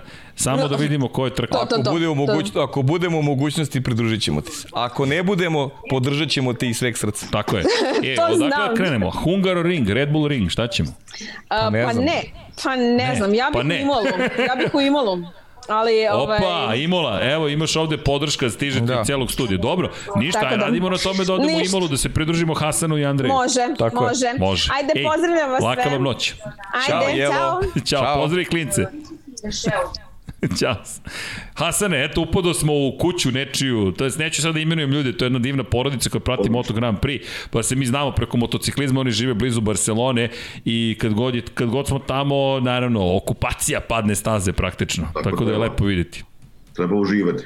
Dobro, ali video si Jecu, oko Sokolovo, Pa kažem ti, vidio sam kad taman ima intervju sa Max Verstappenom, pa sam onda uslikao pa je poslao. Pa ja, ja to i- inače radim sa kolegama e, to tako, jer naj, najviše on, on su iza kamere. jasno. Niko ih ne vidi, on vo- vode intervju šta, i sve, ali, ali ne, ne zna ko je. Pa ipak to su ono neke, neke lijepe uspomene. Jes, Iza- super, da. Jeste, to Svaka je- čast kasane, to A, je baš si lepo. čovek, pa, lepo, da. kolegijalno, ljudski. A veruj mi, pitao sam se kako je uspela da se fotografiše, pošto mi ne izgleda baš da je iz blizine fotografije. Razmišljam, svaka čast, ali kako je izvela. I posle tek sam video potpis. Da. Da. Da, divno, divno, divno, Hasane. Odlično. O, vidi, ima ovde još nekih tu fotografija koje, koje su nama onako tehnički zanimljive. Mi ćemo to još malo da obrađujemo. Nećemo da te, nećemo te zadržavamo, ali pazi, tek sada sam primetio zapravo da kada kažeš nema reklama, i jedno možeš da vidiš i toalete gore na brdu, možeš da vidiš stvari koje inače nikad ne vidiš, jer je sve to pokriveno. Ne, ne, jer, jer, jer uvijek imaš pozadina, imaš ili Rolex, ili recimo tu, i tu je Etihad, To je to. Rolex, e, ili sve, ima sve te svoje sponzore i onda ipak se, se vidi nešto malo više od, od, od landscape-a, od, od, od brda i tako. No.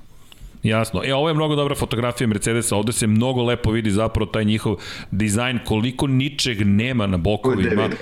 Koliko je mrš. Ovo je devetka, ja, sjajno. Da. Vidi, ovo je, ovo je pri punom gasu, ljudi, ovo je... Ovo je pun gas, da. da. Ovo je spektakl, ovo je Russell, je li tako? Po da, kacigi bih rekao. da, da. Popodne. Russell ima novu kacigu ove godine, da. u crnom je skroz. Inače, zadržali su crne boje kombinezona, vratili su se srebrnim bojama, sad su stvarno da. srebrne strele, srebrne strele. Da. O, Petronas je tu i dalje vrlo istaknut. Ali... samo jedan mali krug e, crveno da. na, na kacigi, jer, jer rekao je crvena kaciga samo jednom pripada i to je Mišel Čumar. Pa dobro, to je lepo. Da. To je zaista lepo. Da. Ne, ne, svaka čast. George Russell, gospodin, vidjet ćemo i dalje dovoljno brz da ugrozi Hamilton. Dobro, ove rezultate nećemo ni da, ni da poredimo u suštini, to je nemoguće, nepotrebna misija praktično. Da, da. Ne, ne, a, a mislim, mislim da je mislim dobar je, mislim on je pokazao kad, kad je onda zamijenio Hamiltona u, u Bahrajnu da, da zna vosti i odmah bio brži nego, nego, nego, nego Bottas. Odmah, da, da. Pa ja mislim da će tu da bude svega, samo da ima Mercedes kako, zaš, kako će se opredeliti da, da organizuje celu situaciju. To će biti, ja mislim, najve, najveće zapravo pitanje. Stvar, pa rekli su neće biti prvi vozač, e, nego, nego svi će biti na, na istom nivou i smiju sve rat na stazi prvo, naravno ne, ne da, da, da sudares. Ne, ali, Barcelona ali 2016. Politiku. Da, da, da, vidjet ćemo. Pa dobro, nešto mislim da pre, veću prednost ima sedmostruki svetski šampion, ali dobro. To svi mislim. to, da, to je samo naše mišljenje u celoj priči. Sjajno. Hasane, vidi, ceo sad si sa nama. Šta da ti kažem nego hvala. Hvala od srca, Hasane. Od, od srca za sve. Ne znam, ja sam ti rekao, ne znam kako ćemo da ti se zahvalimo ikad, ali evo, barem tetka u Majamiju, tako da... da, da, da. Vanja se uvali u probleme. Sad razmišljam, ja sad moram da zovem tetku, ja, Ali dobro, sve, sve je to deo zabave.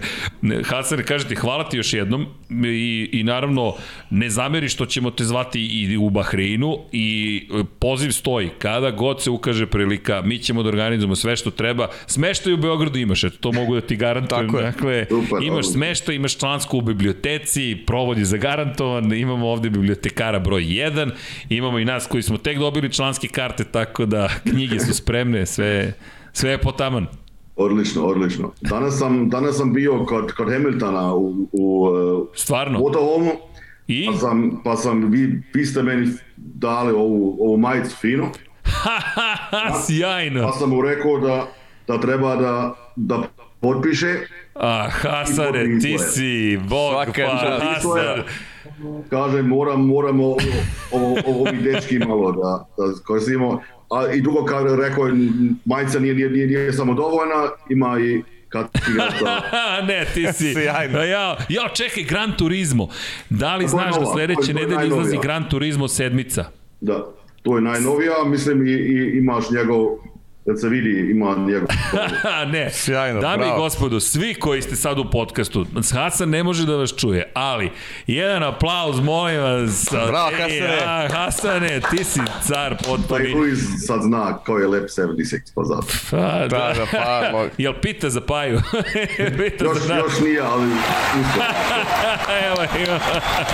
A divno, Hasane, hvala ti do neba, zaista fenomenalno. A i svi koji ste u četu, sad jedan aplauz, molim molim vas, gospodin, možete i like, da se ogrebimo za lajkove na Hasan. da. na, na Hasanov račun like. Hasanov račun. može, može. E, sjajno. Ne, vidi, mi jedno čekamo da nam dođeš. Okay. Zaista Tako hoćemo je. čujemo tvoju priču, kako si sve to postigao. Ti si, ono što je meni fenomenalno, ti si ti si freelancer, ti si svoj čovek u celoj toj priči, organizuješ svoje vreme, svoj život, uspešan si u tome, radiš nešto što voliš, to je toliko lepa priča. A znaš kada te Android spomenuo? Imamo mi našeg kolegu Hasana Bratića, on je uvek tamo gde se desi incident. Otprilike to je bio neki opis. to, je, to je taj Mr. Crash, da, tačno. Mr. Crash. Mada, Android je malo ukrao mođu u Monci, e, vidi. A, ali Naučio. svaka čast, svaka čast. Sa tom fotkom Jest. Nema problema, svaka čast. ne, ono je stvarno, ono je antologijska fotografija. To je, ja, ja sam stavio 50 metara niže, ja sam imao na drugu scenu, ali kažem, to je bila od sviju fotoka od nas, Jasno. bilo je najmanje 40 fotografa tu okolo, to je bila, bila najbolja. Ne, me, pa predivno, on čovjek toliko skroman sedi sa nama i pa to ja sam fotografisao, još nisam hteo ni taj objektiv, hteo sam jedan drugi objektiv i onda mu je Deki rekao šta pričaš, pogledaj fotografiju, ovo je antologija uživo. To, imaš ponekad, moraš imati ima malo sreće, to je naš, ako, ako si na, na drugim vremenama, ako panuješ ili nešto drugo i nešto se desi i ipak to je, to je neki rizik, Šta da nikad ne znaš kad će se to desiti i zato imaš, moraš imati ponekad i neku sreću, ali Naravno. je uspio. Divno, divno. Vidi, šta da ti kažem, hvala ti, hvala ti do neba. Mi se, nadam se, vidimo u skorije vreme, eto, možda Imola, ako ne stigneš do Beograda, Imola, možda nam se otvori prilika. Pa čujemo se za dve I- nedelje. I naravno, mi pa ćemo biti na MotoGP-u sigurno ove godine. I Paju ćemo negde da dovedemo kada, mu, kada ne bude Formula 1 tog vikenda, onda i Paja da dođe, ma ne mora ništa da radi. Paja, dođi samo sedi, blej, uživaj. Uživati, ja. To, mi ćemo se Mi ćemo opomenuti raditi. ostalo. Potrudit ću se. I onda zajedno cela ekipa i da dođeš u MotoGP malo da, da, da, da, da ukrademo je. okoli za MotoGP. Osnovno, Hasan, da nam dođeš ovde, da te ugostimo i da, da budeš gost u studiju, a i da se malo družimo izvan, i izvan studija. To Može. je bilo baš lepo. Može, može. Super, super, baš lepo. Hasane, šta ti Ok. kažem, hvala ti još jednom. Nema Čujemo čemu. se mi, mi se dopisujemo svakako. Da. I promovisat ćemo tvoj Instagram. Ljudi, zapratite Hasana na Instagramu, promovišite priču o Hasanu, što više ga lajkujete, šerujete i tako dalje, onda i novinske agencije, drugi mediji vide još više, kažu čekaj, ovo su dobre fotografije, onda mi podržimo Hasana i tako se vrti točak sreće, svi zajedno učestvujemo u njemu. Odlično, super, hvala. Hvala ti. Hvala. Laka ti noć i lep rad sutra. Hvala Ćao. puno, Hasane. Ćao, prijatno. dobro. Ćao, čao. Ćao. Ćao. Šta reći? Pa ništa. Sjajni Hasan Bratić. Sjajni. Zaista, kakvi divni ljudi. Jeste. I Andrej, i Hasan, i Pa lepo je, lepo je biti okruž, okružen takvim ljudima. Jeste, to, je- to je ovo to. je baš je nekako i romantično, znaš, ti gledaš i, i neverovatno, pazi, on je pri čemu, pa jo, majica Lab 76 i Hamilton koji to potpisuje i kao, ok, Jeste. i, i Pa i zahvališ sve što je Hasan. podelio Hasan ovo sa nama i fotografije. blago, To je njegovo blago. Je, da, Znaš, on se blago. time bavi i to je njegovo blago. I, to blago ima ozbiljnu vrednost i on je to prosto podelio sa nama. Znaš, Dao nam je pristup i, i mi, evo ga, Hasan je tu. Da, imam, imam daš dosta ovaj imam dosta dosta ovaj Vanja pokušava zoom da, da, da ugasi, ali nešto mu ne ide. i prijatelja među fotoreporterima dragih ljudi i znaš, to je stvarno ja sam neko ko jako ceni taj, taj posao njihov i mislim da ja sam, ja sam dugo radio u, u pisanim medijima i bez dobre fotografije ni, ni tekst koji se uradi nema, nema težinu, tako da oni su onako baš blago kada govorimo o, o ovoj profesiji, a pogotovo ovakvi ljudi koji, koji nesebično, ne, nesebično dele ono što, on, ono što rade, tako da, Da, je. sva, sva, sva moguća podrška i, Pazi, on i, i ono što ti sam. kažeš, evo i sad ja kažem ono, širimo ljubav, ljubav velika za, za, Za Hasana. za gospodina Hasana. Da. Jeste. Jer ono što je, on sam sve organizuje, on sam sve plaća, niko ne stoji za njega, nema on platu za ovo. Pa ne samo to, nego je sasmo, znaš, i tokom podcasta koliko puta sam bio svedok da e, znaš, pričamo o nečemu, on mi pošalje sliku, pa ja prosledim vanji, pa, znaš, u, prati podcast i konstantno sarađuje, znaš, učestvuje u onome što, što radimo i očigledno gde on doživljava ovo kao kao nešto što je i njegovo, jer Pa on daje, daje, i jeste tako, daje svoj neki pečat e, ovom sportu, znaš, onome što on, eto, radi toliki niz godina, tako da imamo sreću da imamo takve saradnike, takve ljude uz nas. Nemam šta da ti kažem, osim fantastično. Ja moram reći da je meni ovo jedan od najlepših poklona nečije poverenje. Zapravo jeste, ne, nečije pa to, poverenje. Pa to jeste suština. Fenomenalno. Suština života i sad ide ona priča, ona ono razbili smo priču sa nečim što nije suština, nego je, nego je totalna kontra, ono, sad pričamo da će biti formula u Rusiji, da li će, znaš, bavimo se nekim temama koje, koje su meni ne, neverovatne u 21. veku, znaš, da, da se vraćamo na nešto na, ne znam, na kameno doba, znaš, da opet vodimo priče o nekim ratovima, o nekim glupostima, znaš, su ljudi da se izgrle tamo i da kažu ljudi Natalio, batali ovo, dađete da se izgrlimo, a ovi političari što nas uvode u haos, nego oni uzmu motke pa nek se poubijaju. da, nisam baš vidio da to, se znaš. time bave. Da, ne bave se Dosta su na bezbednom često. No, bez, uvijek su na bezbednom, da. da. Uvijek su na bezbednom, a, a stradaju nedužni i to je uvijek priča. Da. Znaš, tako da mogli bi malo ovaj, običan sve da uzme malo ovaj, u svoje ruke. Motku. pravdu, pravdu, da, da. Kada smo već na motkama. Pa da, mislim, znaš. pa i zaista. Dosta je više bilo, znaš, ajde da stalno imamo neke, neke negacije, neke, Neki gluposti. Neke sukobe izmišljene i tako. Ja Pa sam dobro. više za ovaj sukob na stazi. Pa to je To je najbolje. to. Ajde Pa se to je to. To treba, da, se to treba bude suština, da neki, neki da se normalan trkamo. život, a ne da, da ljudi stradaju nedušni. A, evo, sakrivam, ovde mi upozoravaju, sakri kablove, evo, scenografija, ja. sakrivam kablove. To vam tako izgleda na televiziji, sakrio sam kablove.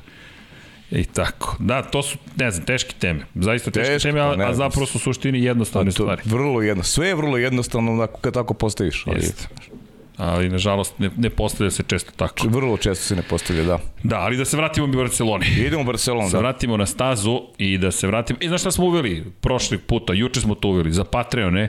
Čitali smo jednu stranu, pa onda nešto drugo, pa onda jedna strana, pa smo nešto Noviteti, drugo. Noviteti, ja nisam, pa malo, nisam, ovaj, nisam Shvatili smo, to, što je predivno, tolika je podrška, a opet nekako da, da isključimo, da ne pročitamo imena nekako nije lepo, a s druge strane, ako krenemo čitamo imena, odjednom se promenila tema, čime se bavimo, čitamo imena. Tako da, to ćemo najvećim delom na kraju, ali isto tako ćemo malo da promenimo, pročitamo nekoliko imena, pa onda nastavimo dalje, tako dalje. I imamo ovde još puno fotografije. Ljudi, zahvaljujući Hasanu možemo da analiziramo legalno, insistiramo na legalnosti. Zašto? Evo vam tipičan primjer. Hasan se spakovao, platio, otišao, otputovao, nikomu ne plaća ništa i onda mi negde na Google searchu nađemo neku fotografiju, skinemo i upotrebimo je. I Hasan ne dobio ništa za to. To nije okej. Okay to nije u redu, to je pogrešno, ma, to, to, to, to su neke pogrešne navike i još gore nikad ga ni ne potpišu u nekim situacijama, ne. Plati se, potpiše se, tako da mi ima ugovore sa novinskim agencijama, ali ovakvo blago, prosto to su ugovori koji su ograničeni brojem fotografija. Nama je Hasan dao pristup svemu što je čovjek fotografisao. Imate testove iz 2000, testiranje iz 2018. Da, to je, to je ozbiljna vrednost. Ljudi, to, to, to je ozbiljna vrednost. Vrednost emotivno ogromna, a pride i finansijski. Jeste. I evo, ako možemo da iskoristimo priliku da, da, da, da malo... Vanja, može li Mercedes što si bio prikazao? Da nešto nacrtamo na tom Mercedesu, zato što ima baš tu važnih momenta. Iskoristio bih pa priliku malo da pogledamo te bolide. E, ne, ne, onaj drugi spreda što se vidi toalet gore na brdu, a to je Hasan lepo primetio. Da čovjek kada kaže, kaže ti nešto što ti očigledno kada ti neko kaže, A to je da ne rekla, e, ovo je fenomenalan kadar. Ljudi, ovo je, fan... vidim da si ga čak i malo uvećao da se još više bolje vidi bolid. Fantastično. Hvala Vanja. Možeš samo da obrišeš, pošto je tačno tu, e, to, Ctrl Z, to. Ajde vidim gde sam. Ok, tu smo. Obratite pažnju na ovaj deo, ljudi, ovde. Ovaj ovde deo kod Mercedesa je mnogo važno istaći, s obzirom na činjenicu da ovde praktično ne postoji ništa. Ljudi, oni su potpuno ovaj ovde deo očistili. Ako pogledate, bočni otvori za vazduh ovde se završavaju praktično, odmah se sužava bolid i ka zadnjem kraju čista oplata, ničeg praktično nema i onda dolazimo do zadnjeg kraja. Može Ctrl Z, udri. I ovo je ekstreman bolid po tom pitanju. Red Bull, videli smo pozadi da je nalazio neka zanimljiva rešenja. Red Bull takođe sa strane ima neka nevjerojatna rešenja i ne čudi, pretpostavljam, što pričamo opet o Mercedesu i Red Bullu, s obzirom na činjenicu da, da nekako kod njih je i očekivano da budu ekstremne stvari. Ima onaj Red Bull sa strane, ako možeš to vanje da prikažeš i prikazat ćemo vam Ferrari koji imaju takođe jedno vrlo zanimljivo rešenje. Analizirali smo Aston Martin prošli put ili pretprošli, sad ne mogu da se setim. I, i kako? Ne mora sa žicama, da. samo da je bok da se vidi da se samo vidi bok zašto. Ferrari je napravio nešto vrlo zanimljivo na gornjem delu bolida. I e, zanima nas prosto kakvi će biti rezultati kada dođe pravo trkanje. Naravno, bit će ovde još izmjena. Ko zna šta je ko pokupio sa ovih fotografija što, što mi ne vidimo, što će inženjeri da vide. Ali ovo je, na primjer, kada gledamo opet, opet Mercedes ovde, zanimljivo je prosto put kojim su krenuli. Kada je reč o Ferrariju, Ferrari je možda i najdrastičnije primenio rešenje za, na tom gornjem delu, Vrlo nam je zanimljivo s obzirom na činjenicu da očekivali smo od Ferrarija nešto. E, e, to Vanja, care, ako može da se crta ovde, ljudi, ovo je takođe vrlo značajan deo bolida koji, e, hvala ti, može samo da obrišeš to. Obratite pažnju na ovaj deo ispod orakla. Dakle, ovde, ovo, ovo sve ovde, kao da su bukvalno ocekli ceo komad ovde i ispod ovoga nemate ničega, jednostavno imate ovu površinu dole, čekaj da vidim desa, evo me ovde, ova površina to je pod, obratite pažnju na oblik lazanje, lazanja je ponovo tu, ne vidi se sad ovde zadnji kraj, ali ovde ima mali vortex generator zapravo, i sečen je pod tako da generiše ponovo vrtloge, možeš da malo smanjiš ako možeš sliku, da se da vidimo da li još može da se baci pogled pozadi. Šta se dobija time? Na zadnjem kraju će zapravo za, zatvoriti, kao što se prošle godine dešavalo, vazduhom, vrtoženjem vazduha će zatvoriti dodatno pod i povećati aerodinamičku efikasnost. Ovde, šta možemo da vidimo, aha, to, to sam ja, izvini Vanja, e, i kada se vratimo samo Vanja, možeš da ostaviš ovu fotku, sve je okej, okay, nije, sve je u redu. Ne, ne, ne, u redu je, u redu je ovo. Ne, ne, sve u redu, sve u redu. Možemo posle na fotku, hoću da iskoristim ovu, jer ovde imate dve par stvari koje su mnogo važne. Može Ctrl Z, molim te. Obratite pažnju sada na još par elemenata. Ovaj ovde deo, ovaj ovde otvor i vi imate policu praktično ovde koja sprovodi vazduh ka hladnjaku, koji inače kvadratnog pravog onog oblika na ulazu kada se gleda spreda i obratite pažnju na ovo peraje ovde. Ovo je zabranjeno zapravo pravilnikom, ali ako možda obrišeš Vanja, šta je uradio Red Bull? Red Bull je od ovog dela napravio nosač retrovizora. Obratite pažnju na ovaj ovde deo. Ovaj mali delić koji spaja retrovizor sa bokovima je omogućio da naprave dodatno krilo, peraje praktično, i dodatno utiču na to gde kako će se kretati vazduh, pošto će s ove strane ići ka spolja, a ovde dodatno usmeravaju čist vazduh ka zadnjem kraju bolida. I još jedna stvar, obratite pažnju ovde na otvore, to je na škrge. Dva rešenja je Red Bull koristio kod hlađenja motora i videli smo drugog dana da su otvorili praktično škrge, zatvorene su bile prvoga dana. Vrlo, vrlo interesantno rešenje. Još nekoliko stvari koje smo videli kod Red Bulla, pa i McLaren. E, hvala Vanja. Ovo je isto dobra fotografija sa strane. Hasan, blago nam je dao ljudi, blago bukvalno. O čemu se radi? Radi se o tome da kada pričamo o, o tim različitim pristupima i rešenjima, kod Red Bulla slično Mercedesu, ali opet i dosta drugačije, ispod orakla, na primjer kod Mercedes uopšte nema te, tog gornjeg dijela, dakle da imate praktično rupu ispod ovog mesta gde piše orakl. Hvala Vanja. E to, ili mogu da pišem? Hvala. Samo da, e, to je to. Već, možete Ctrl Z, molim te. Ovde, ovde postoji jedan mali isečak koji je zatim zaptiva ovaj deo i tu stvara još veću aerodinamičku efikasnost, zapravo povećava prijanjanje zadnje kraja. Obratite pažnju na prednje krilo koliko je podignuto, dosta je podignuto prednje krilo, gotovo maksimalno koliko je moguće, dosta ekstremno i ne vidi se sad iz ove perspektive. Napred pull rod oslanjanje, pozadi push rod. I po tom pitanju su kao McLaren i kao Alfa Tauri. Alfa Tauri je lažne rendere dao kada je predstavio bolid, tako da zapravo ima još, jedna, još jedna lepa stvar. Obratite pažnju na zadnji kraj. Ovo izašao sam, a izvini. Ovde malo trikovima se koristimo. Može Ctrl Z. E, pošto tačno tu gde je S. Ovde gde je S, obratite pažnju na aktivator zapravo DRS-a. S tim su imali problema prošle godine, vidjet ćemo ove godine da li su rešili, ali bukvalno, evo ga kabel, sajla, kako god hoćete, žica, pretpostavljam da nije pretpostavljam da je zapravo u pitanju spona koja će da povlači zapravo zadnju površinu i povećava, to jest umanjuje aerodinamički otpor. Tako da na ovih fotografija dosta možemo stvari da pokupimo, nije baš da će sve moći da promene do, do Bahreina, ali vrlo zanimljivo rešenje kod Red Bulla, vrlo zanimljivo rešenje kod Mercedesa i zašto smo rekli Ferrari versus Mercedes? Zato što Ferrari izgleda fenomenalno i dosta agresivno. Pokušat ćemo da nađemo fotografiju koja od ozgo praktično pokazuje Ferrari, s obzirom na činjenicu da se tu jasno vidi... Kako? Mo, ako možeš od pozadi Ferrari, to bi bilo fenomenalno. Zapravo, zato što e, tu isto može da se vidi šta je Ferrari učinio. Na primjer, imao dve lepe fotografije, da ćemo pokazati takođe koliko su Alfa Romeo, na primjer, i, i Aston Martin iz neke perspektive, da kažemo, slični. Hajde tako da se, da, da, da, da imamo, e, poslaću ti sad Mercedes i Ferrari, no, Williams i Ferrari, oprosti. I tu može da se vidi. Ne zamerite što malo posvećujemo pažnju ovim stvarima, ali to je ono što smo hteli da vidimo zapravo šta se desilo e, kada je reč o razvoju bolida i koje su razlike. Pa evo, nešto je meni fenomenalno. Svi smo pričali kako će svi bolide izgledati isto Nismo pričali, verovali smo da neće, ali koliko će biti razgleda? Svi su drugačiji. Svi su napravili neko svoje rešenje. U, Vanja, to lepo izgleda. Može. Pa dobro, ali zar nismo očekivali da, da će to da... Ma da. Da će da izgleda drugačije, Ma ali mora. pitanje je samo, mislim, da li će biti razlike u onome što isporučuju kvalitet onoga što će dešavati na stazi. Ok su rešenja, ali Slažem Kakva se. su ta rešenja? Kakva su, nemamo Mislim da- pojma. Da, da, to, to, je, to je najvažnije da, u suštini, jeste, a sad ovo vizuelno možemo da komentarišemo ono što... E, znaš šta je meni ovde zanimljivo? U čemu si ti veliki maher zaista i Hvala, volim, volim, ja volim da slušam ovaj, ovaj tvoju analizu i uh, ovu mehaničku nazovi priču jer vrlo lepo to, to radiš i Hvala. vrlo lepo to obrađuješ, tako da mislim da na najbolji način možda približiš ti lično publici E, ono što, što, što nas očekuje, samo što je razlika u tome što niko od nas ne može da, da, da predvidi, šta, da zna šta će to da donese u konkretnom primjeru na, na, na samoj stasi. A ovaj kadar, e, hvala Vanja, Šta sve otkriva ovaj kadar? Ljudi, ovde ima more informacija. Par stvari. Pa jo, vidi ovo, ceva. Ovo je novi logistički partner, umesto UPS-a. UPS, United Postal Services, više nije tu. Dakle, ceva je dobila bok bolida Ferrarija. Ray Ban je ostao tu gde je bio, Shell je ostao tu gde je bio.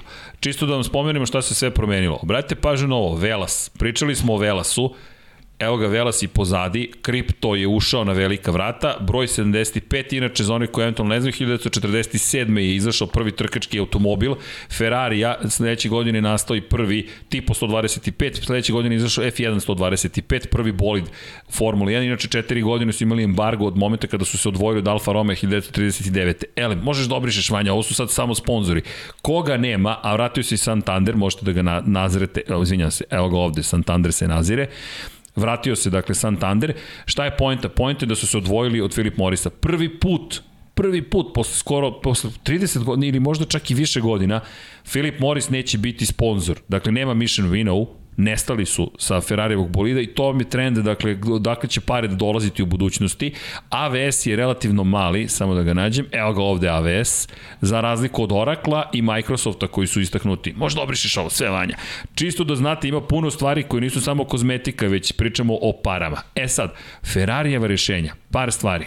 Obratite pažnju na ovaj deo ovde, ovo udubljenje, ovde praktično, obratite pažnju, crtam neku vrstu uh, strelice, Kada pogledate, ovde je udubljenje i tu su i škrge. Potpuno drugačije rešenje. Pogledajte koliko je ravna površina Ferrarija sa strane, malo konzervativnije i koliko je manja ova površina odnosno na Mercedes ili Red Bull. Mnogo drugačije rešenje. Ima još jedna stvar, i oni su iskoristili ovo da spoje retrovizor, ali nema peraja. Još jedna stvar, pito cev je malo drugačija, ne znam da li je to bitno ili nije, ali eto, čisto da istaknemo detalje, mnogo može toga da se vidi. Pozadi, ako pogledate, sličnije Mercedesu. Zašto Jest. Red Bull izgleda drugačije? Red Bull kao da je tu nešto otkrio i sad svi čekamo pa, da vidimo. Drugačiji izgleda. Drugačiji izgleda. Drugačiji izgleda. Baš izgleda. Znaš, a s obzirom da je u rukama Adriana Njuji, odmah to. mislimo da, se plašimo. da, je to, da je to bolje u odnosu na druge. Da, e sad, da li jeste... Pojma, pa, nemamo pojma. Realno da. nemamo pojma. Ali okej, okay, malo smo kao radosna deca, ne zamerite Hvala Vanja. Živa istina. Ej, vidi. E, može ni Williams samo, ako može sa strane. I imamo koliko fotografija. Hasan šta nam je dao, dao nam je blago da se igramo i tako i dalje i tako dalje. E, kada govorimo o sad dobio sam ovde ne, još neke poruke, da, imaćemo posle, nemojte da urinite, ima pitanje, verujem da ima pitanje. Ne, naravno, ima, ima, ima pitanje, stizalo su još tokom dana. Da, i može, po, može ponovo Ferrari, malo i onda da bacimo pogled na Williams, čisto da, da, da vidite koja je razlika. Williams dosta liči na, na Mercedes iz jedne perspektive sad, da ne ulazim, ali prednji kraj Williamsa meni izgleda kao da smo se vratili da, u, može ovo, super Vanja, stani, ovo je mnogo dobra fotka, hvala ti. Može ovde, ima par stvari koje bih da istaknem ovde. To. Obratite pažnju na nekoliko stvari. Ovo ovde vam je naka otvor. Vidite ovaj mali otvor na nosu Ferrarija. To je naka. Inače, to je preteča nase. Kako? Po, pokrio sam rupu, da, da, ako možda obrišeš, izvini. Naka je preteča Nase. Mihajlo Pupin je osnovao Naku i to se inače zove Naka otvor. To je jedno od rešenja kako da uvedete vazduh u, kako da zapravo omogućite da vazduh uđe u određeni otvor pri velikim brzinama. To se koristi na borbenim avionima i avionima generalno. A s druge strane, ovo će služiti prema informacijama koje smo dobili za hlađenje vozača zapravo. Tako da će kroz taj otvor preusmjeravati vazduh ka takmičarima. E sad, ima ovde još nekoliko vrlo zanimljivih rešenja. Obratite pažnju na nos. Nos, dakle, za razliku od nekih drugih bolida, je spojen prva površina, druga površina, treća površina, četvrta površina. Imamo četiri površine maksimalno koje smete da koristite, međutim, za razliku od nekih rešenja, nema takozvanog slot gapa, nema prostora između prve i druge površine, već su spojene na kraj nosa. Inače, to su noseći elementi, četvrta i treća površina se veruje da nisu noseći elementi, ali prosto se završavaju u samom nosu. Imamo klasične ovde sa, de, sa desne desam. Evo ovo, ovo, brate, pažnje, ovo se zove skijaška zapravo, ovo je na, na uzoru na skakaonice, skijaška skakaonica, koja preusmerava vazduh na gore. Dakle, preusmerava vazduh i pokušava da spreči zapravo negativ, ovo je granična ploča, to dolazi iz avio industrije, pokušavaju da preusmere vazduh što je više moguće ka gore i sa, sa leve strane kako bi smanjili vazduh koji će ići ka gumama. Gume će inače same generisati dosta prljavog vazduha i evo ga opet ovaj, ovaj moment. Mnogo manje kompleksan je pod za sada kod Ferrarija. Ne vidimo lazanje, ne vidimo neke stvari koje su redovne. I onda ovaj ovde fenomenalno zanimljiv moment sa bokovima gde imamo udubljenje kao unutra vazduh koji se spušta pozadi. Kod Mercedesa sve se to spaja pozadi sa strane, ovde imamo od ozgo zapravo. Da? Nešto mi Vanja poručuje. Šta se čulo? E, mislim se čula voda. Da, da, ja isto. Da, da, da se voda zapravo jest, čula jest. pošto je Paja ožedneo, pa mu stiže voda. Da. Tako da nemoj da brineš Vanja, nismo mi ništa ovde učinili, nema, nema, ulje, nema intrudera. Elem, Ferrari u svakom slučaju mnogo lepo izgleda, ako to nešto znači, i to svi ponavljamo, i malo smo možda dosadni, ali Binoto je čak rekao, ljudi, to što nam je bolid možda najlepši, ne znači da će biti najbrži.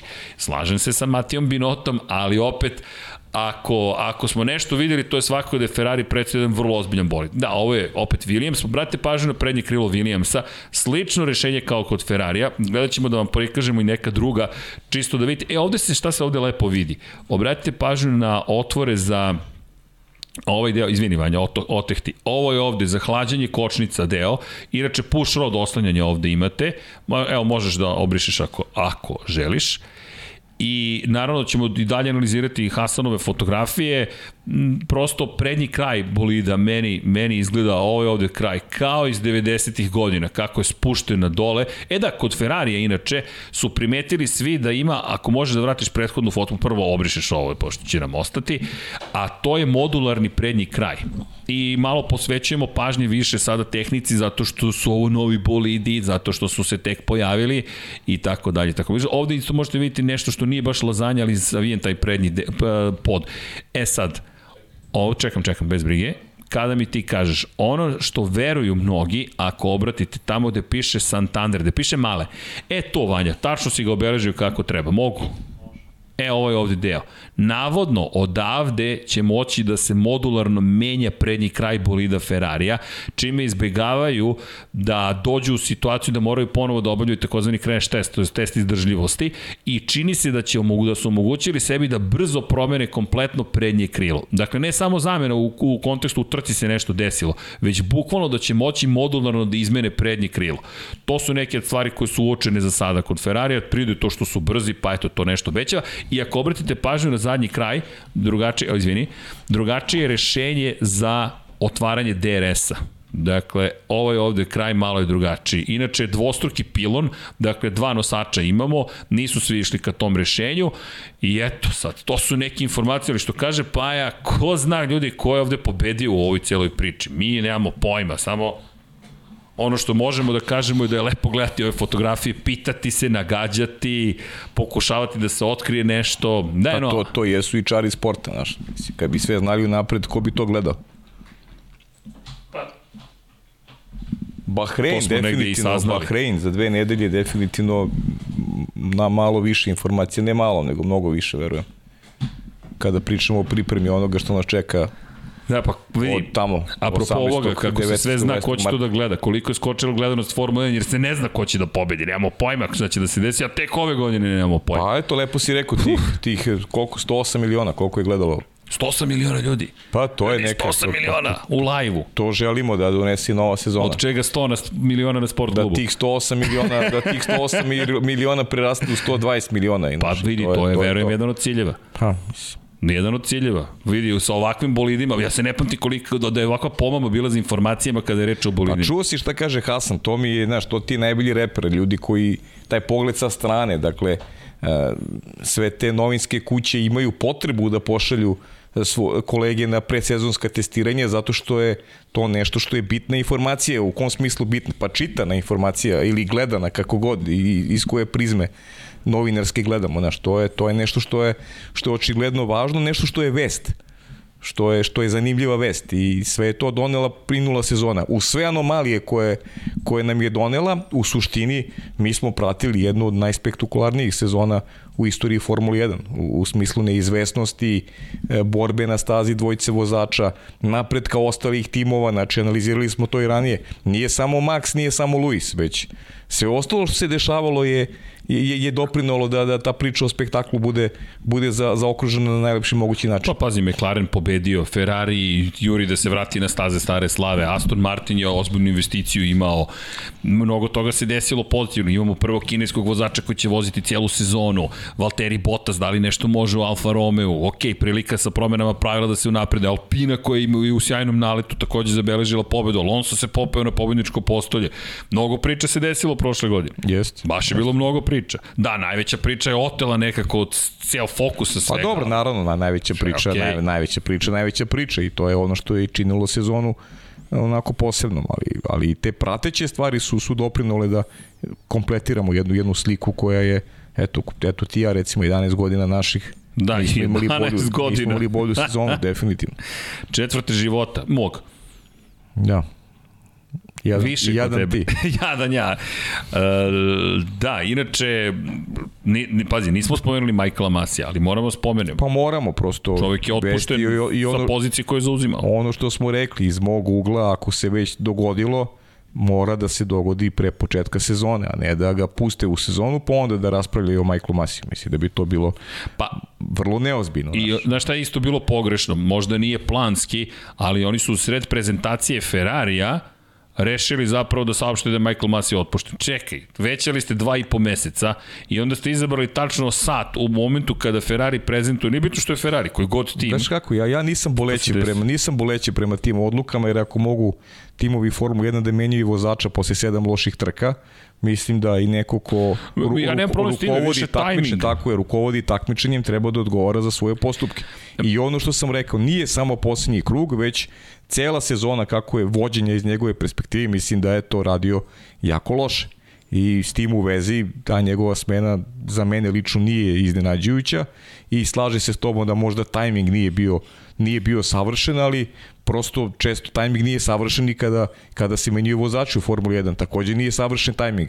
Ni Ja za njih, ni možda sa, za pogled sa strane. pre bio za taj otkaz kasnije, samo zato što verujem da ukoliko postaviš ovakav presedan da dovoljno velik pritisak neko izvrši, bit će smenjen direktor trke, sutra novi ljudi na toj poziciji, dakle imaš Nilsa Vitića, Edvarda Freitesa o kojima smo, kojima smo pričali, možda će biti u sličnoj situaciji. Inače, Verstappen se danas oglasio i rekao da smatra da, da je da, to, da je to pogrešno. Da je to odluka, pogrešna odluka, da je praktično žrtvovan Michael Masi za ceo skandal koji se desio posle Abu Dabija. Mm, ima i toga, ali pre bih volio da su ga otpustili mnogo ranije ili kasnije. Ovako, pitanje je šta otvaraju. No, Velika Britanija je najveće tržište po pitanju Formule 1, vel, najveći broj timova je u Velikoj Britaniji, Lewis Hamilton je Britanac, čovek je ser Lewis Hamilton, ogroman pritisak je izvršen i to je rezultat. Na kraju dana ima tu dosta promena, nije samo pitanje Michaela Masija, mi ovde pričamo o ovim ljudima koji su se pojavili. Inače, zanimljivo, Herbie Blaš je vraćen kao konsultat u Formuli 1. Ja ne znam da li se ljudi sećaju Herbija Blaša, ali Blaš je zapravo bio zamjenik Charlija Whitinga do 2016. godine. I on je 2016. godine izašao iz Formule 1, a vratili su ga ove godine kao konsultant. I Herbie Blaš koji se oglasio i rekao je, bio je na Barbadosu, na odmoru, Ajde završi, pa ću ti Da. postaviti jedno pitanje. Da. I kaže Herbie Blaš, gledao sam trku u momentu kada se desio incident, pomislio sam kakva lepa situacija da je zaustaviš i imaš sprint završnicu, i, ali je rekao, Nisam siguran da bih to učinio u Masijevoj koži, lako je u bar, na Barbadosu, mnogo jednostavnije je biti yes. direktor trke, No, bit će Herbie Blaš prisutan. Inače, čovek koji je bio i u Brabamu, čovek koji je sa Yamahom sarađivao, čak i u Superbike svetskom šampionatu Yamahi u tom programu je Herbie Blaš. Tako da će Blaš takođe biti tu, kao neko ko će dodatno da konsultuje sada ljude u Formuli 1 šta da urade u određenim situacijama. Želeo sam nešto te pitam, ali evo, Reci, sad se naravno. bavimo, se, bavimo se prepostavkama. E, Šta da se nije dogodio taj famozni posljednji krug i da je trka završena iza žutih zastava pobedom Luisa Isto Hamiltona? bi prošao Michael Masi, ali bi Max Verstappen zajedno sa Christianom Hornerom i Red Bullom zahtevao da bude smenjen Michael Masi. Da li misliš da bi bio smenjen Michael Masi? Da, mislim da bi. Ja nisam siguran u to. Aha, okej. Okay. Ja nisam siguran u to uh, da bi bio smenjen, a, ali bih uh, ja sa ove pozicije pričao isto o tome da Michael Masi mora bude smenjen. A da li bi on bio smenjen, ja nisam siguran. Dobro. Za, zaista, zaista mislim da, da, da veće šanse bi postojile da ostane Michael Masi nego u konstelaciji snaga kakve jesu. Da, mnogo je veća kad, kad politička moć Mercedesa. Mercedesa, i, britanski lobby, britanski lobby i tako sve je. to što ide pod ruku, tako da Michael, Michael Masi je, je smenjen zbog posljednjeg kruga posljednje trke. A nije smenjen zbog cele priče e, tokom sezone koja je bila iz njegove prizme katastrofalna. Loše rukovođenje trkama, mnoštvom trka u sezoni, on je smenjen zbog posljednjeg, zbog posljednjeg kruga posljednje trke. On je platio ceh samo uh, posljednjoj trci u, u Abu Dhabiju. Ali to su samo to su Slažem samo se, naše naše polemike Naravno. i neka moje mišljenje naspram tvog mišljenja i to je to, ništa više. Da. da, ali to je samo mišljenje u suštini. Ništa više, pa ne, I- nema- nema i- šta. I spekulišemo na osnovu informacija kojima raspoložimo i pokušamo da argumentujemo šta to zapravo mi vidimo. Ima jedan tim koji nisam dovoljno spomenuo, ja bih rekao, nekako kao da mi beži. Aleksa, pozdrav za Aleksu, McLaren. Ljudi, McLaren deluje dosta dobro. McLaren deluje dosta dobro, zanimljivo rešenje na zadnjem kraju. Evo, Hasan je rekao da je njemu najlepši bolid zapravo McLarena. Prosto special shout out za McLaren. Mercedes je rekao da veruje da je i za Ferrarija i za McLarena. Ne verujem Mercedesu u toj situaciji uopšte, ali činjenica je da McLaren nekako, neću reći da smo zapostavili, no nismo ga možda dovoljno spomenuli. McLaren koji takođe ima jedno ajde, zanimljivo rešenje kada je reč o, o, o samim bolidima, nisu više usamljeni po pitanju toga kako će da rade pull rod, push rod, e, ono što smo negde videli jeste potvrđeno zapravo da, eto, da, da, da je neobičajeno da se koristi push rod pozadi napred pull rod I, ali da ipak očekujemo ove godine da timovi idu u tom smeru. Dobili smo potvrdu, e, Ferrari si nam dao, iz ljubavi prema Ferrariju. da. Va, Vanja je navijač, stari navijač Ferrarija otvoreni stari navijač treba, daj nam McLaren važi. Evo ti Santander. Hvala. E, ajmo malo i McLarenom da se pozabavimo. S obzirom na činjenicu da McLaren zaista uradio ozbiljan posao. Može i ona prethodna fotka, sasvim je u redu. Vanja, sve je okej. Okay. Ista je, samo se pomerilo. Aha, e, ovde mi je malo bolji uh, kadar, nešto, par stvari. Samo kada pogledate McLaren, hvala Vanja, obratite pažnju na prednje krilo, Zašto? Pa pričali smo o tim otvorima zapravo iz- između prve i druge površine. Može Ctrl Z1. To. E sad, samo kratko. Ovde obratite pažnju. Pogledajte kako se vidi u pozadini i to je taj brisani prostor između prve i druge površine. Nekolicina timova je išlo ka tom rešenju, nemamo pojma da li je to bolje ili lošije, ali prosto McLaren je to primenio. Kada je reč o push rod, pull rod, ovde se jasno vidi, evo ga push rod, dakle ide na gore, Dakle, ovde je tačka kačenja. Inače, kod Red Bulla, ono što može da se uoči, na primjer, ovo je A ruka ovde. A ruka, s obzirom da je u obliku, to, se, to je popularni wishbone kod Engleza, to jest jadac, pošto je oblika jadca, ali zapravo se formalno zove čak i u engleskom jeziku A ruka. Inače, ovde možete da vidite pull rod, dakle, kada pređe preko one ravnine, točak ode na gore, šta se, šta se desi? Vučna spona, takozvana, vučna spona, šta uradi? Točak povuče sponu, a push rod vam je suprotno tome, gura sponu. Tako da imate, i tu terminologiju ćemo polako početi da uvodimo, ali to su ono što stvari koje smo već videli negde naslučivali kod McLarena. Ima još jedna stvar, videli ste i otvor ovde kod opet McLarena na, na prednjem kraju samog krila prednjeg i zanimljivo malo drugačije. E, hvala Vanja. Može da vratiš samo na kratko onu fotku pa ovu fotku. Ima razlog zašto te malo maltretiram, ne zamerite, ali McLaren mora biti spomenut zato što radi ozbiljan posao. Na ovoj fotografiji, ako pogledate zadnji kraj, Aha, da sačekam. Dobro, hvala Vanja. E, Ne zamerite oni koji su na audio, platformama, ali prosto ove fotografije teško pisati, sada mogu da vam, može Ctrl Z da se očisti. Dakle, obratite pažnju na zadnji kraj bolida. Ovo je ovde deo. Obratite pažnju opet koliko je uzak. Slično, Mercedesovi generalno timovi su slične rešenja imali. Pogledajte koliko je ta površina velika. Možeš da obrišeš pošto mi tačno treba ovaj ovde deo. I obratite pažnju na ove delove. Ovo deluju kao da su takođe generatori Vortexa i kao da će za cilj imati zapravo da, da, da umanje efekt koji će imati na gume. E sad, ovde su hladnjaci kočnica, a ovde možemo da vidimo kako se usmerava vazduh ka kompletnom zadnjem sistemu oslanjanja. Inače, šta sam htio da kažem za ruke? Da, kod Red Bulla čini se da će moći da menjaju visine donjeg dela A ruke. To su takođe aerodinamičke površine i mnogo je važno obratiti pažnju na to kako ih postavljaju i gde će ih sve postaviti. Mi predstavu još uvek nemamo što kaže pa je dalje ovo dobro ili loše. Nemamo pojma ljudi, ali e, možeš da vratiš onaj, onaj, onaj, onaj mi je malo bolji kadar. Ali obratite pažnju na prednje krilo koliko je podignuto. Red Bull zašto se A, ok. Spekulišemo da je Red Bull ostavio podignuto prednje krilo najviše baš zbog toga ovaj deo ovde. Pogledajte ovde koliki je prostor kako bi vazduh išao ka otvorima. Ovde su inače otvori za te tunele koje ćemo imati ove godine, koji treba da usisaju bolid na dole i onda vazduh izlazi pozadi.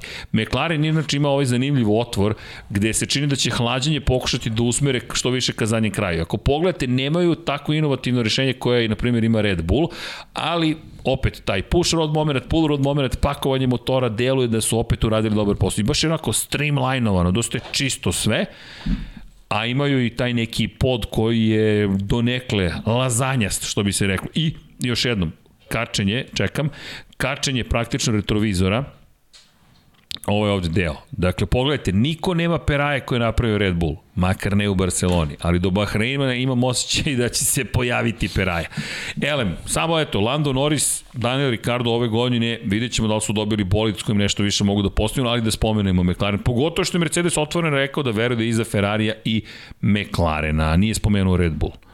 Mada mislim da malo ja, dobro. preveličavaju stvari. Pa dobro, mislim da je, da je najbolji izjava Landa Norrisa u stvari, koji je spustio loptu momentalno.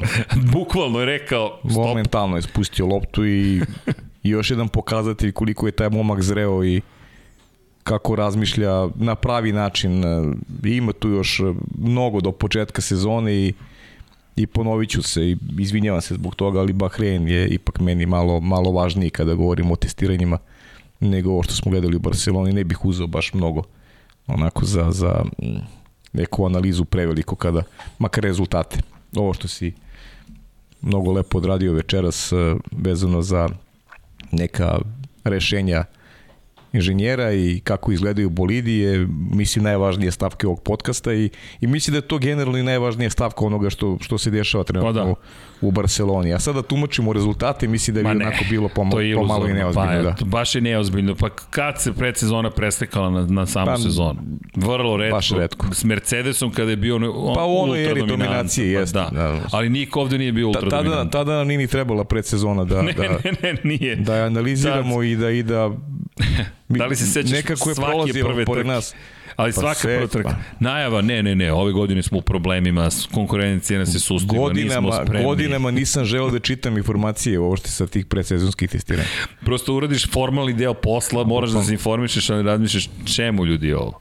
Pa bukvalno. Bukvalno čemu? Ne, ove godine već, već je malo drugačija jest, situacija. Jest. Ali dobro ljudi, ako imate neka pitanja, naravno, tu smo, ima, ima, ima mnogo vesti, naravno, ne, nećemo ih zanemariti, ali prosto da iskoristimo i vaše prisustvo ovde, s obzirom na činjenicu da, da smo sve to okupili u četvrtak, malo je to drugačije nego što smo planirali, ali... Tu smo utorak ponovo, to, to nema dilema. Da, i da, šta nismo uh, napomenuli, uh, taj takozvani por, por, por, purposing fenomenon, kako ga zovu, je zapravo nešto što je prilično važno i Ferrari je rekao da su zapravo pocenili eh, da su pro, pro, pocenili efekat koji će imati ove godine ponovo na na same bolide. Zašto? Uh, inače, porpoas je morsko prase, za one koji eventualno ne znaju. I m, zašto se spominje morsko prase? Zato što se morsko prase tako kreće. I onda je to efekat morskog praseta. Ja ne znam da li ste nekad videli morsko prase kako se kreće, ali ukucajte morsko prase, izaći će vam YouTube lepo, ali da, morsko prase najbolji, uh, najbolji opis zapravo. Šta sve neće morati ljudi da nauče zarad Formula 1? bukvalno. Kako, ali... se, kako se kreće morsko prase?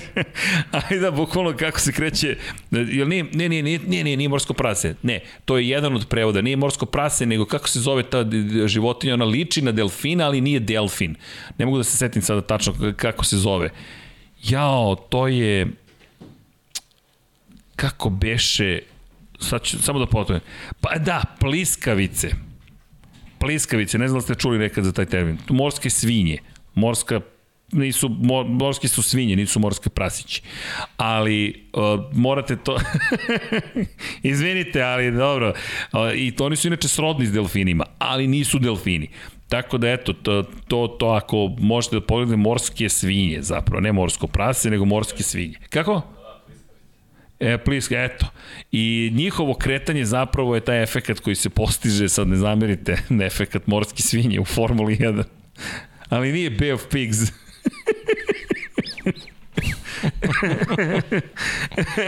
Dobro, baš sam te zabavio. Nikad nisam probao, ne znam. e, pa da, ali evo da vidimo šta kaže, da vidimo, ova porodica nastanjuje sve okeane, zadržavajući se ipak pretežno uz obale, prednost daju morima severne polutke, samo dve od šest vrsta žive na južnoj hemisferi. Eto.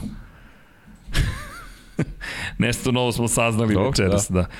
Mali kitovi zubani sa šest vrsta unutar četiri roda. Ovo je za Jimmya, da, za Jimmya je ovo definitivno. Eto, Pajo, moramo i to da naučimo. Sa srđanom uvek neke, moram neke biljke, biljke, životinje, znaš, mora da naučiš ovaj. ornitologija, krenulo se od ornitologije. Jesi se sećaš ornitologije u Kanadi 2011. Imali smo više ptica nego vozača u Ma, kadru. Bukvalno, bukvalno. to, to je, ali to ne bi bila prva godina prenosa. Četiri zabavna sata. Da, ali niko nije bio spreman za četiri sata, niti bilo pokrivalica, niti je bilo reklama, nije bilo ničega. E, ali vidiš kakva je to priprema bila za... A, reci. Za, za, za Belgiju. Belgiju. I tebi za... Tako se ulazi u kabinu. E, tako se ulazi. Spremno. Spreman za 4 sata. da, da, ali tih prvih 4 sata se sećam da se ovako gledamo, a režija nas posmatra i kaže šta sad? Otkud ja znam šta sad? što se nas tiče, mi nastavljamo. Idemo dalje, pričamo. I Paja kaže, pa ništa, mi pričamo. I kao čemu? Otkud? I, I još režija koja kaže, ljudi, mi nemamo pokrivalice, mi nemamo ništa spremno za backup sad će ti backup. Tu smo mi. tu smo. Znam da je, da je voda izbijala iz, iz drenaža, iz slivnika na, tamo na ostrvu i na Notre Dame i da smo se pitali ti, ja, kad će ovo, šta će ovo? Čitaj pravilnik, koliko najviše može da traje trka, aj nađi sada. Posle toga su uveli pravilo maksimalno 4 sata. Posle toga je Belgija došla ovako. Lagano. ne, ne, za tebe specijalna majica. 10 godina kasnije. Ja sam 10 komentar... godina kasnije. ne, majica, znaš kako, majica je jednostavna. Ja sam komentarisao veliku nagradu Belgije 2021. Čisto da se zna. Tačka. Osoba A, predstavite se. Da.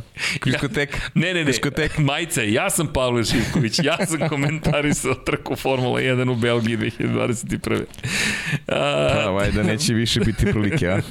Pa vidi, bit će sigurno, samo da vidimo šta će biti. Vidiš da su sad to promenili pravilo. Ali ne znam, meni su to antologijski momenti, jednostavno tako desi se i deo karijere postane, i tako. Pa jeste, obeležiti. Obeleži svakako. Obeležiti. Znam da sam trčao, Pajo, uključen je mikrofon. ja, čuti. Nisi jedini. A meni pišu poruke, ja na MotoGP-u rekao. Nisi jedini, moj. Stiže poruka. E, pa je uključen mikrofon, rekao šta to znači. pa možda ne bi trebalo da bude. Ali dobro. Na, nauči se svašta. da, svašta se nauči, yes. kažem ti. Ok, da se mi vratimo uh, našem podcastu. Našoj emisiji o Formula 1 i Barceloni. Da, dobro. I tako. Da. Malo sam se, ne zamirite, zasmeo. No, Neka si. što se tiče vesti, pa uglavnom je sve svedeno na ovo što o čemu se o čemu pa da, smo pričali. Da, Jednostavno yes, čekamo da vidimo ko će biti najbolji. Nemamo pojma, nismo nešto pametniji nego što smo bili, samo znamo da kako izgledaju novi boli. Ništa u odnosu na prošlu nedelju, nismo pametniji. Bukvalno. Eto to, zato meni Andreti toliko bio zanimljiv. Ej, kao novi tindom stiže. I to je to. I zanimljiv je bio komentar, ne znam, Josta Kapita, šefa u Williamsa, koji je rekao da za Alex Albona još ima mnogo, to jest još treba vremena da bi došao do svog vrha u Formuli 1. I tako. I Albon se vratio. Čekaj, to nismo prokomentarisali previše. Stigo Alex pa, Albon. dobro, da. Držimo mu palče. Dobro došao.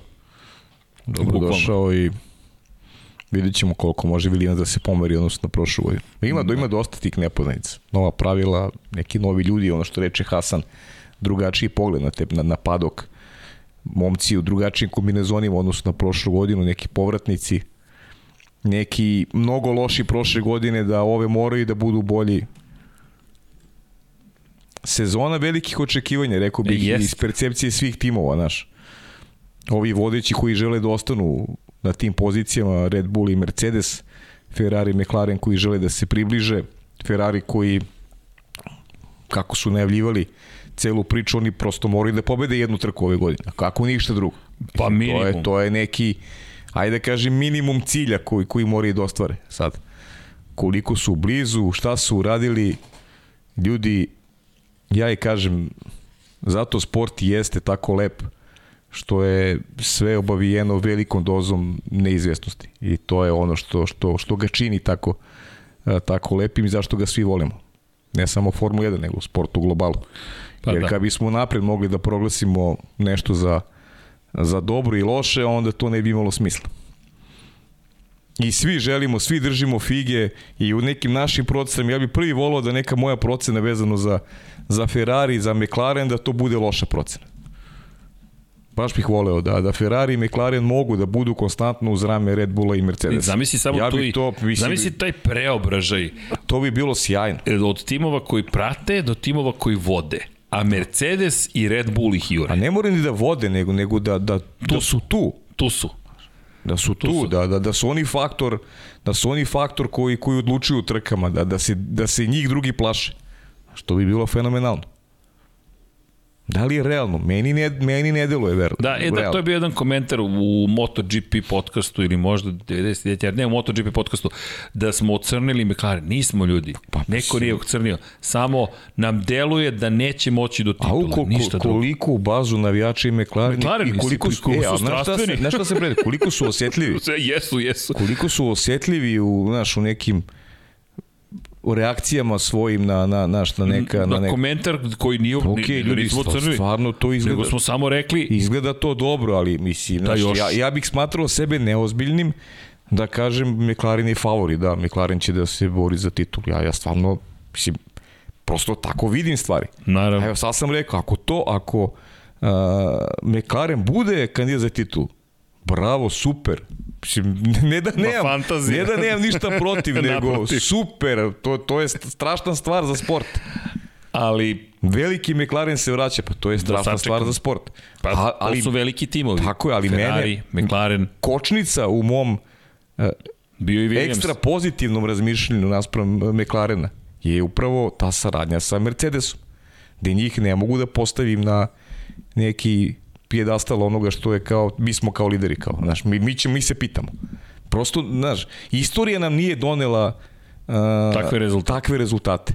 Zamisli da privatni tim u ovoj eri fabričkih timova. De facto mi smo u eri fabričkih timova. U eri smo fabričkih timova, jesmo. I to je jedan od razloga zašto je Ferrari takođe prihvatio izmene koje su se desile 2014. godine je bio taj što su verovali da time što su proizvođač i šasije i pogonske jedinice, to je motora hibridnog agregata, u prednosti odnosu na ostale. Ko još ima te sposobnosti? Mercedes i sada Renault. Tako je. Honda to nije imala. Honda je imala klasičnu saradnju iz stare Formula 1, konstruktor plus proizvođač motora ali ta kombinacija je jedva došla do titule jednom. Jednom. Poslednji put kada smo imali dominaciju bio je Red Bull Racing sa Renaultom i to se okončalo 2013. kada je Vettel osvojio poslednju četvrtu svoju uzastopnu titulu i generalno svoju u karijeri. Da li će osvojiti još neku? Vidjet ćemo. Ali ono što smo videli umeđu vremenu je Mercedes, Mercedes, Mercedes, Mercedes, Mercedes, Mercedes, Mercedes, koji jedini pruži otpor? Ferrari. Ferrari. Da. I Renault koji je jedva zabeležio pobedu. Dakle, mi, to su problemi. McLaren je jedva zabeležio jednu pobedu. Da li bismo voleli da kombinacija konstruktor, proizvođač motora pobeđuje? Apsolutno, evo, glas, dva glasa imate ovde Jest. sa ovog stola. I evo Red Bull, Honda, Honda koja je bila isključivo verzirana po znacima navoda za Red Bull. I oni su sarađivali isključivo sa Red Bullom. Jeste. I to je ta saradnja koja je donala, koja je donala rezultat. Znači nije Red Bull bio druga opcija, nije Honda imala svoju ekipu u šampionatu pa su devali agregatima Red Bull, nego su oni bili usko vezani za, za Red Bull. Strateška saradnja. Strateška saradnja iz te, iz te saradnje smo dobili, smo dobili svetskog šampiona. Tako da, eto, zbog toga ja prosto ne vidim negde McLaren kao nekog favorita, ali da bih onako dočekao takvu varijantu sa, sa oduševljenjem, to, pa to nema, nema govora uopšte to bi bio onako nonsens u, Još zamisli ukoliko u ova moderna, se... moderna vremena Formula 1. Zamisli ukoliko se još desi Williams da se oporavi u celoj ovoj priči. A da, to ćemo, mislim, možemo malo Dobro, sad sam preterao. ok. Otiš i daleko. A, dobro, pa dobro, volim da preterujem. Dobro, sanjar si. Sanjar, sanjar si, to, to fakt. To fakt, ali dobro, ajde, vidjet ćemo, sačekat ćemo i, i i da vidimo Williams šta može da uradi. Jost Capito radi svoj deo posla i inače da, od 2026. sve više se priča o Volkswagen grupaciji i pa Red da. Bullu. to je ono što smo negdje očekivali, prosto Tako je. meni deluje da jedina promjera koja tu može da se desi je ukoliko Honda nedvosmisleno dođe i kaže ne, ipak ćemo da prvi put u svojoj istoriji odmah povučemo svoju odluku i vratimo se u celu igru, pošto su povukli neke poteze, Da. ali sve ostalo mislim da je već viđeno da će Volkswagen i Red Bull sarađivati. Pa mislim da je to što si rekao da je realnije mnogo opcija. Prosto da to je jednostavno put kojim oni idu. E sad šta to znači za Kapita, Williams, sve ostale nemamo pojma, ali, ali zanimljivo je da je Andretijev ulazak u Formulu 1 negde otvorio i priču o tome da li bi Ford mogao najzad da se priključi celo, svemu tome. To bi bilo fenomenalno, Ford je legendarni proizvođač, sada zaboravljen, ali oni su imali ne eru, nego to, je, to, je- to su prosto bile godine. To je zaista bio jedan ozbiljan proizvođač. Još uvijek je ozbiljan proizvođač, samo ga nema u Formuli 1. Jeste. I tako. Dobro. Ima, ima svašta se nešto što je dešavalo u Barceloni. Hamilton koji je inače rekao da određeni steward'i putuju sa određenim vozačima, pa možda tu postoji neka blagonaklonost prema njima, pa je Toto Wolff morao da reaguje da kaže ne, ne, to nije Hamilton tako ekstremno to mislio, pošto je negde prilično direktno rekao da, eto, prosto postoji prostoji blagonaklonost zahvaljujući tim ličnim kontaktima. I tako. Nastavit će se ta bitka koliko Pa god se dobro, o tome mislim, pričalo da, da, da je neće biti, ja mislim da ovo samo zateši, čekaj da pripremimo bolide pa da možemo Pa da se da, i ma, borimo. mislim da poče sezona. Pa da. I šta ti, kako ti zvuči ovo što je Hasan rekao što se tiče praćenja bolida? Mene to, mene to zanima, da, li ćemo sutra vidjeti pa testove. to je, to je, to je, lepo si pitao to Hasana, to, to jeste onako interesantno. Pa moment to, da to navodno da li- hoće da reše. Pa to, to, je, to, je det, to su neki detalji, neki, neke, neke sekvence koje mogli da nam onako zaokruže mm, zaokruže neku, neku priču vezanu za, za budućnost Formule 1 jer to, to ono što želimo da gledamo prosto. Znaš, ako nema, ako nema preticanja, ako nema akcije, Pa ne neće biti to. dobro, a, a nova pravila su i negde i i sprovedena u delo da bi da bi publici omogućilo veću zabavu i vozačima u krajnjem slučaju priliku da se trkaju. Nešto što je nedostajalo Vidi, dobar niz godina. promene, promene, sve ove pravila su promenjena da bismo Pa, došli do toga, toga, da. do, do toga. toga da se pretiču što više i više. Ali čuo si Hasana, toga, toga nije bilo na stazi, samo eto nekog, to je Bakaron primetio, samo nekog pokušaja praćenja od strane Leklera.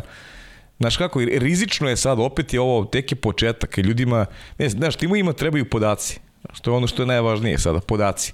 Što više krugova, što više vremena provedeno na stazi. To je nešto što je, što je prioritet. A lepo si primetio, vrlo moguće da ćemo sutra dobiti nešto nešto informacije vezano i za, i za tu temu, ali opet mislim da je, da je Bah, Bahrein e, kritičan. Da, I zašto sutra verujem u to da će biti boljih rezultata i izletanja sa staze. A to će bi biće sigurno, biće sigurno boljih rezultata. Moraš da gurneš Bolja bolid. vremena sigurno. Moraš. nisam sigurno a priori testiranje tog tipa, preticanje na stazi, kako to izgleda, ali, ali boljih rezultata, boljih vremena sigurno. Jer ovo ti je poslednja prilika na stazi koju vrlo dobro poznaš. U Barceloni imaš mnogo podataka, možeš da praviš korelaciju odnosno na prethodne sezone. Koliko god one bile korisne ili ne, verujem da post... ne, one moraju biti korisne. Nešto tu postoji, tu je Verstappen rekao, najzad možemo da Korisne napravimo su korelaciju. sigurno, pa korisne su I sad sigurno. zamisli pokušaj kvalifikacijonog kruga ti tu moraš da vidiš dokle taj bolid možeš da gurneš, dokle menjač možeš da gurneš, dokle možeš motor da gurneš, da vidiš šta će se desiti. Pa sutra guraš najviše i po cenu kvara. Jer Da. sutra, su, sutra bi trebao bude dan kvalifikacije. Da. I Znaš, tu sutra moraš. guraš najviše i po cenu kvara. i onda ideš dve nedelje pauze do Bahreina. I Tako tu je. se spremaš, imaš vremena da popraviš bolid. Zato, pogotovo pred kraj dana, kad završiš program, idemo do kraja. Pa da vidimo i da li će tu opet biti ovo što Hasan rekao, naš nema blokiranja točkova. To je, meni nije to indikativno da nova pravila govore u prilog tome da odjednom nema blokiranja Ne, točkova. nego već i, da oni- isto, da, da, su, da su područni. Da, područno, Da su bukvalno. područno, bravo. To sam ja pomislio isto u, u sekundi da, da, da, je, da je to pitanje. Znaš, ne, odjednom nema, nema blokiranja točkova. Pa šta su uveli? ABS. Pa da. teško, vrlo teško da su uveli Dokaz. ABS. Da, da, da. da. Kako su brzo ovladali ovaj mašinama. Jeste, jeste, pošto su u simulatoru su proveli celu zimu, pa su odmah znali šta treba da jeste. urade.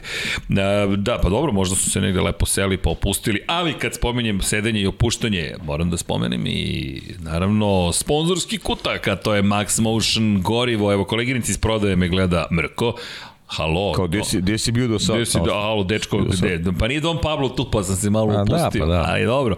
Kaže, Max Motion gorivo na 63 OMV pumpe širom Srbije, a i šire. Je gorivo sa kojim možeš da uživaš u putovanjima u svim uslovima. Zašto? Zato što imaju super kafu, ali zato što je dobro gorivo, ali ljudi, OMV nas i dalje podržava, tako da mi podržavamo OMV gde točimo u februaru, točimo na OMV-u i kafu, a i naravno gorivo. Tako da, gorivo sa kojim bezbedno krećeš na putovanja, aktivno štiti motor i pratite na svim zimskim avanturama jer neće da se zaledi na minus 38. Nadam se da nećemo testirati, to sam i prošli put rekao, ali još jedna dobra stvar kod OMV je da koji god kraj Srbije da izabereš za svoju, ne samo zimsku avanturu, to znači pa je moramo u neku avanturu po svetu, imaš usput OMV benzinsku stanicu sa fantastičnim kafama, kolumbijska kafa, ti ne piješ kafu, ili tako? Ne. Ne. Ne. To ja moram Ne pijem. da. Ali pazi, kolumbijska kafa jedinstvenog Obožavao sam, obožavao sam kafu, ali... Kad si prestao? Pa prestao sam pre nekih deseta godina, nešto mi pravi mi smetnje želucu, tako da to je razlog. Da, nisi pio ovu Nis, kolumbijsku. nis, da. Pa Single neću, neću, ne, neću, ne, ne. 100% arabika. Gotovo, gotovo, je sa kafom, da. Espresso, americano, latte macchiato, cappuccino. I pazi sad ovo, ja volim da ponesem da pijuckam dok vozim, ja volim da ponesem da pijuckam dok komentarišem ili radimo podcast, ali kad god imam vremena lepo stane na pumpu, natočim gorivu, sednem u kafić, naručim sendvič, kafu, svašta imaju tamo, odmorim se kao čovjek. E pa nemamo sendviče, ja mislim da moramo da tražimo sendviče, ali, ali zato imamo kaficu. To će koleginice iz prodaje da reši. Pogrešila je večeras, došla je umesto Dom Da. Pavla. Ha, malo da vam pomogu. Pa greška, ne, ne, to se ne radi. neoprostivo. To, to se ne radi, od kad nisam izjavio, to se ne radi. Od juče. Blago tebi, ti se družiš sa Dekim, ja da si nećem kad sam vidio. To ne smemo da zaboravimo, To ne družimo se da sa Dekim. Da. da. Pa u Čileu, kad sam bio u Čileu. Tad ste se družili. Da smo se družili, Da, pa i da. to je to. Znaš kad je to bilo? Prošlo, znaš, i davno prošlo. sledeće godine idemo u Čile i još smo se nešto dogovorili posle Čilea. Da A, ne, idemo to, on treba da organizuje. Aha, dobro. Da, idemo, to je neki plac, ako se, da, plac neki gde ćemo, da, da. To je, to je Deki mora organizuje. Ok, vidim. Ja organizujem, ja bibli, Narodnu biblioteku. Da, da, naravno, ISBN da dobijemo. Tako je. To je zato što dakle, izlazi 21. Ayrton Sena, da napomenemo, za ro, Seni rođendan stiže Dekijeva knjiga, Dakle, druga u Deki potkonjak serijalu, pošto Deki počinje da ima svoj serijal, tako da, molim vas, to su ozbiljne stvari, dve knjige Dekija potkonjaka, tu su, čekajte, ovde je jedna, ova druga još nije. Kako, kako, kako? Da pitam Paju za njegovu knjigu, koleginica iz prodaje Biće, pita. biće, biće, biće, biće da spomenjem temu ili sport ili ne još? Pa mu smeš, da, zašto ne? Mislim, ne, nema, ne ideš nema. ka točkovima, ideš ne, ne idem ka točkovima, kapicom. da, idem, da, neka, neka tema je Waterpolo. Waterpolo, da, i Lepo. Rio, Rio i Tokio. Lepo. Želim to da obuhvatim, eto, to Lepo, je to. ali do tada crveno i crno, Schumacher, Dejan Potkonjak, stiže Ayrton Sena, imate Kimi Raikkonena, ko ne zna, evo je prilika, Kimi Raikkonen je otkriveni u izdanju Infinity Lighthouse, odštampana knjiga, tvrdo povez i fenomenalna knjiga Kimi Raikkonen, ponosni smo na ovaj projekat, stiže i Valentino Rossi, ajde da vas obradujem, kada budem se fotografisao negde za Instagram u štampariji, kada sve krene, ja se nadam da ćete biti zadovoljni. Moram je samo dodam nešto, ovaj, Da. pored vas dvojice se ne bih usudio da ovaj, uđemo u avanturu pisanja po točkovima. Ne, ne, Ozbi, ozbiljno ono, pričam ne. najiskrenije. Hvala ti na tome, ali Pajo, tvoj pogled na Formulu 1 je Sve je okej, okay, sve je okej, okay, ali kažem, važan. bitno je da svaki čovjek ovaj, zna mesto. To je najvažnija stvar. I to je toplo preporuka svima. Razumem te, ali Tako da, ali sve je okej. Okay. Napravit ćemo i neku Delimo, akciju. delimo, delimo znanje, ali ovaj ali Delimo. naš poštovanje za evo jedva čekam da deki ovaj objavi tu knjigu jako je obožavam Senu. Uh, to će Biću, da biću bude. prvi kupac. Pa da, svi, svi je da čekamo da vidimo. Da, da. I to je prošireno izdanje, već jednom izašla, to jest objavljena je, ali ovo će biti prošireno izdanje, pa eto, tako je, nestrpljivo, radi se na korici trenutno, tako da znate. A što se tiče Rosija, to se rade bukvalno poslednje pr- pripreme u smislu samog teksta, da li je još neka greška, jer šta je, e da, imam jedno obaveštenje, šta ćemo da uradimo, svi koji su na Patreonu koji ovo slušaju, prvo hvala, pročitat ćemo naravno vaše imena na kraju, to ćemo isto malo da, da kažem, prilagodimo, da, da vas ispoštujemo što je više moguće, ali uvešćemo dve stvari, jednu promenu moramo da uvedemo da bismo uveli ovu drugu stvar, a to je sledeće. Promenit ćemo način da se plaća odmah na Patreonu, zašto? Ne zato što želimo, nego zato što, prvo hvala vam za sve, ali zato što hoćemo da uvedemo takozvane više mesečne pretplate, Zašto? Da bismo vam i nama omogućili dve stvari. Jedna je da omogućimo pakete za one koji nam, ne želimo da odvemo po financijama, ali prosto da imaju mogućnost oni koji su dali više da dobiju još više, a da opet oni koji daju bilo koliko da dajete, 100 dinara, 30 dinara, 50, 300, šta god, 3 eura, 1 euro, svi da budu ispoštovani, uvek ćemo da čitamo imena svih bez obzira na količinu novca, ali oni koji daju više novca da im damo još nešto. I jedna od ideja je naših da zapravo svi na Patreonu koji budu u tom paketu koji će se vjerojatno zvati mecena ili kako već mislimo da će se zvati, nemam pojma još kako će se tačno zvati, Dobro, okay. da dobiju zapravo svoje imena u knjigama koje objavljujemo. Jer verujemo da na taj način još više pomeramo neke stvari. Jer ja ne znam za vas, ali ja bih volio da moje ime, da moje ime bude u knjizi, nekako to je meni uvek uzbudljivo. I da budete ispoštovani na taj način ove kovečeni u svakoj knjizi koja se objavi da stoji vaše ime i prezime zato što ste u tom trenutku na taj način podržavali Infinity Lighthouse. A lepa ideja. Tako da eto, da znate Nisam da znao, povesti... prvi put je prezentuješ da ja čujem Jest. i lepa ideja, zaista. Jeste, to razmišljao sam baš o tome u Čileu, jel te, i razmišljam kako možemo da se još više odužimo ljudima, biće i još stvari iza kulisa, nekako i mi dolazimo sada do nekog ritma koji možemo da ispoštujemo i da ispratimo stvari koje smo uradili. Nove majice su stigle, radimo na novim majicama za 99 yardi, stižu i Maxi i Luis, tako da znate, eto, i bit će svega. Super. To je nama velika podrška, a s druge strane lepo nam je da to radimo. I tako. Hoćemo i malo pitanja i odgovore. E, hoćemo pre... Hm? Kako? Vanja, udri. Koliko dugo ću još da uživam u putovanjima? Sve dok postoje još neotkriveni predeli i sneg još uvek neukroćen. Za više bezbrižnih putovanja OMV Max Motion Diesel produžava životni vek motora. OMV Energija za bolji život. Koleginica iz prodaje dala thumbs up Vanji. Vanja me upozorio, reklamu si zaboravio, a koleginica iz prodaje koja ne može da veruje, Aman, da. odnosi sa klijentima. E, moram da ti samo da te malo korigujem pre nego što da. pređemo na pitanja, ovaj, pitanja gledalaca. Ja bih se samo osvrnuo malo na NASCAR.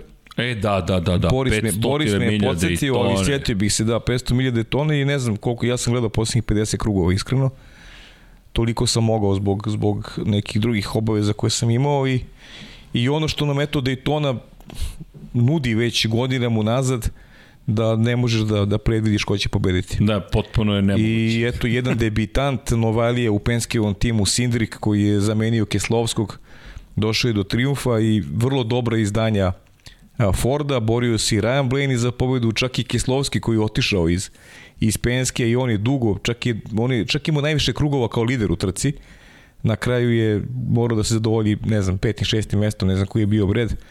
Tako da je jedna super interesantna trka, tri velike incidenta, ono što nam uvek Daytona, Daytona nudi i neočekivani pobednik. Eto, gde ćeš bolju, e, ovo je šesta pobeda za, za Penske tim uh, u Daytoni i eto ko je donosi debitant, jedan klinac koji je bio šampion Xfinity serije 2020. godine i eto kakva, kakav početak karijere u velikom Penskivom timu od strane momka koji je naslednik Breda Kislovskog. Da, eto Sindrik, mlad momak, 23 godine Jeste, ima. da.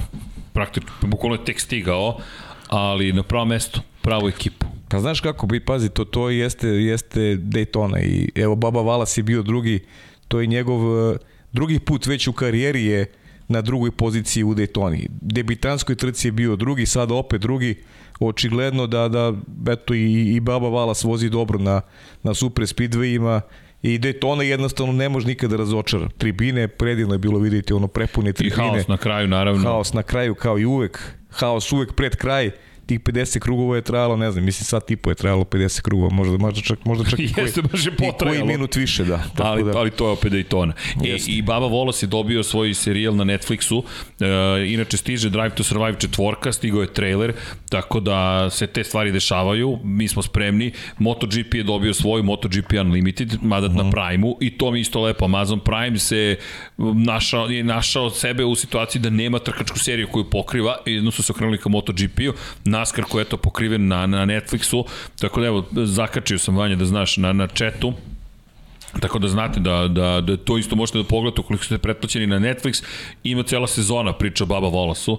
I mnogo je lepo to videti. I, i broj 2 koji pobeđuje. Prosto broj 2. To je meni lepo što timovi zadržavaju brojeve. Jeste. I onda gledaš i kao čekaj broj 2. To, Pa da ja se zbunio u startu kad vidim Bret to Keslovski. upravo to.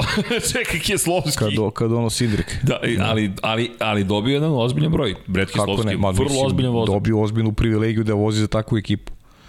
I naravno da pohvalimo našeg Luku Spasovskog. Pa i Luku Spasovskog i našeg Bože Tatarević, to sam Da, teo kažem, našeg Boži. Božija, koji ima analizu i to na zvaničnom sajtu Naskara. Znači, ponosni smo na, na Boži, ako Ej, da sluša... podelimo taj link. Da, Da. Boži. Ako Boži. sluša Boži, ovaj, volimo te, ponosni smo na tebe i, i ovaj, samo gure i napreda. A imam, imam, imam zadatak za tebe, ovaj, radim naskar posle godinu i kusur dana, nedelja Fontana, tako da javljaj informacije šta se dešava oko staze, a, rado ću ih podeliti, eto. A možda bi mi pojačanje, ne smem da kažem koga. O tom potom. Da, o tom potom, a, potom, potom, Da. ali radimo na tome.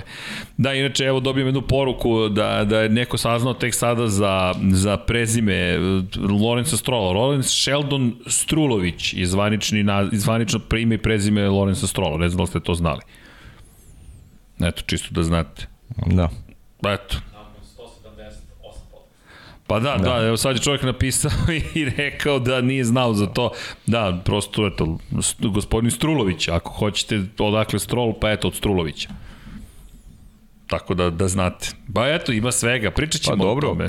Edukacija je Ko je, šta je, zašto je.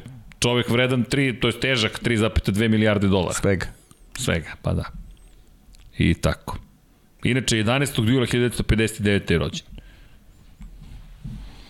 Zašto je bitan 11. O, pa to je naravno godišnjica mojim roditeljima braka, tako da pozdrav za mamu ako je tu negde. Mama. U svakom slučaju, da. I, e da, još jedna stvar, možeš da nam vratiš kadar sa Williamsom? Uh, pozdrav za Malicija vs. Brut uh, koji je napisao i rekao, ej, mislim da se vidi nešto. Da, moram priznati da, da, da se smo sličnu stvar uočili, ali se nisam usudio da to izgovorim, ali vidjet ćeš Williams spreda i zašto kao da se kroz otvor za vazduh vidi prolaz, kao da je rupa vazdušna, ovako prolaz kod Williamsa, ali moram priznati da nisam siguran da li i mene oči varaju ili ne, Ne znam da li si video. E, to Vanja, bravo, care. Care, pa može. Znaš da voli da crta? ne? Volim da voli dete da crta. Na, nabavili mi olovčicu. Pozdrav za gospodina koji nam je kupio olovku. Znaš da sam čoveku poročito puno ime i prezime, pošto je zamolio da ostane anoniman. Pa dobro, logično. Pa šta drugo da uradiš u, Jer sad drugo doriš kad te neko zamoli da ostane u anoniman. takvom trenutku? Pa I ja logično. kažem, da, e, hvala, on kaže, pa napisao sam da ostanem anoniman. E, evo, možeš da opišeš samo ovaj. Ja kažem, pa izvinite, ali zanelo se, zanelo se dete. Tako da si iz Alan Forda došao. A ne, ovde sam, uh, e, evo ga, kao da sam otprilike, e, ovaj ovde deo. Da, i, i delo je zaista kao da se vazduh preusmerava tamo ka spolja. Ne znam, evo ovo ovde što smo zacrtali, hajde ljudi dajte komentar u četu, da samo da obrišemo. Može jedan Ctrl Z. To, Vanja, jel vama isto izgleda kao da je otvor? Baš je bizarno nekako. Moramo potražimo neku fotografiju iz preda, da mi vidimo šta se tu događa. Ako imaš neku fotografiju, sad ću da vidim kod Hasana šta, šta sve. Hasan je podelio toliko fotografija, sad imate drugi problem. A šta sad da izaberemo od svih ovih fotografija? Ali hvala za maliciju protiv Bruta, to je za nas iz... Sećaš te od tog momenta čuvenog? Zelena malicija je Brut 33. Kako ne? Koji je bolji? Koji si kupio, to ti je bolje. No, vrlo je jednostavno. Šta si ti koristio, malici ili brut?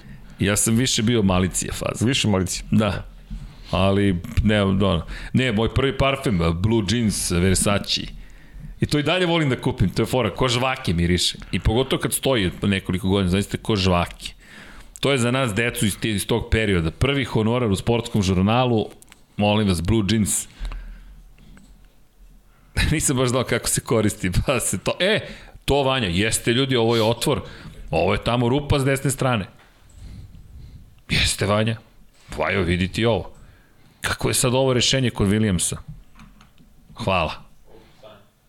Stao sam.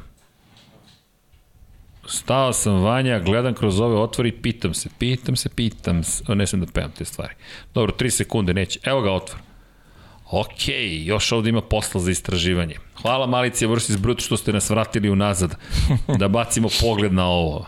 Zanimljivo rešenje ovo za nos. I to je ono, kod Ferrarija što ste mogli da vidite, prednji ceo kraj ovde nije modularan kod Williamsa, to je ceo komad, evo ovde možete vidjeti od koje sekcije kreće, a ne mogu još, hvala, hvala, izvini Vanja. Ti reci kad može, Kad biste znali koje trikove koristimo da imamo ovaj green screen. Vanja ima bukvalno zeleni ekran sad ispred sebe da bi taj prozor bio aktivan dok ja crtam.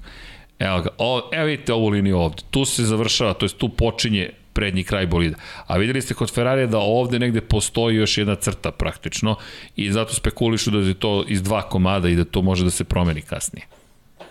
Jer taj deo pozadi mora da izdrži naravno crash test, a ovaj napred očigledno da je mnogo krhki i na taj način brzo mogu da, da uvode nove stvari. Što je dosta pametno rešenje, moram priznati. Očekujem da će to i drugi timovi da počnu da primenjuju.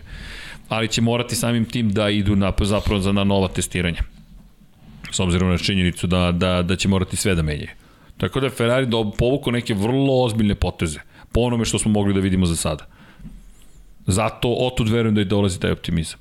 Ali dobro, Dakle, korekcija 500 milijadi tone i to je činjenica. E da, nisam podelio, čekajte da vidite Boži gde nam je, podržavamo Božija, Zašto? Zato što volimo Božija, gde nam je Boži, imamo svoju grupu sa Božijem, Racing Fans se zove.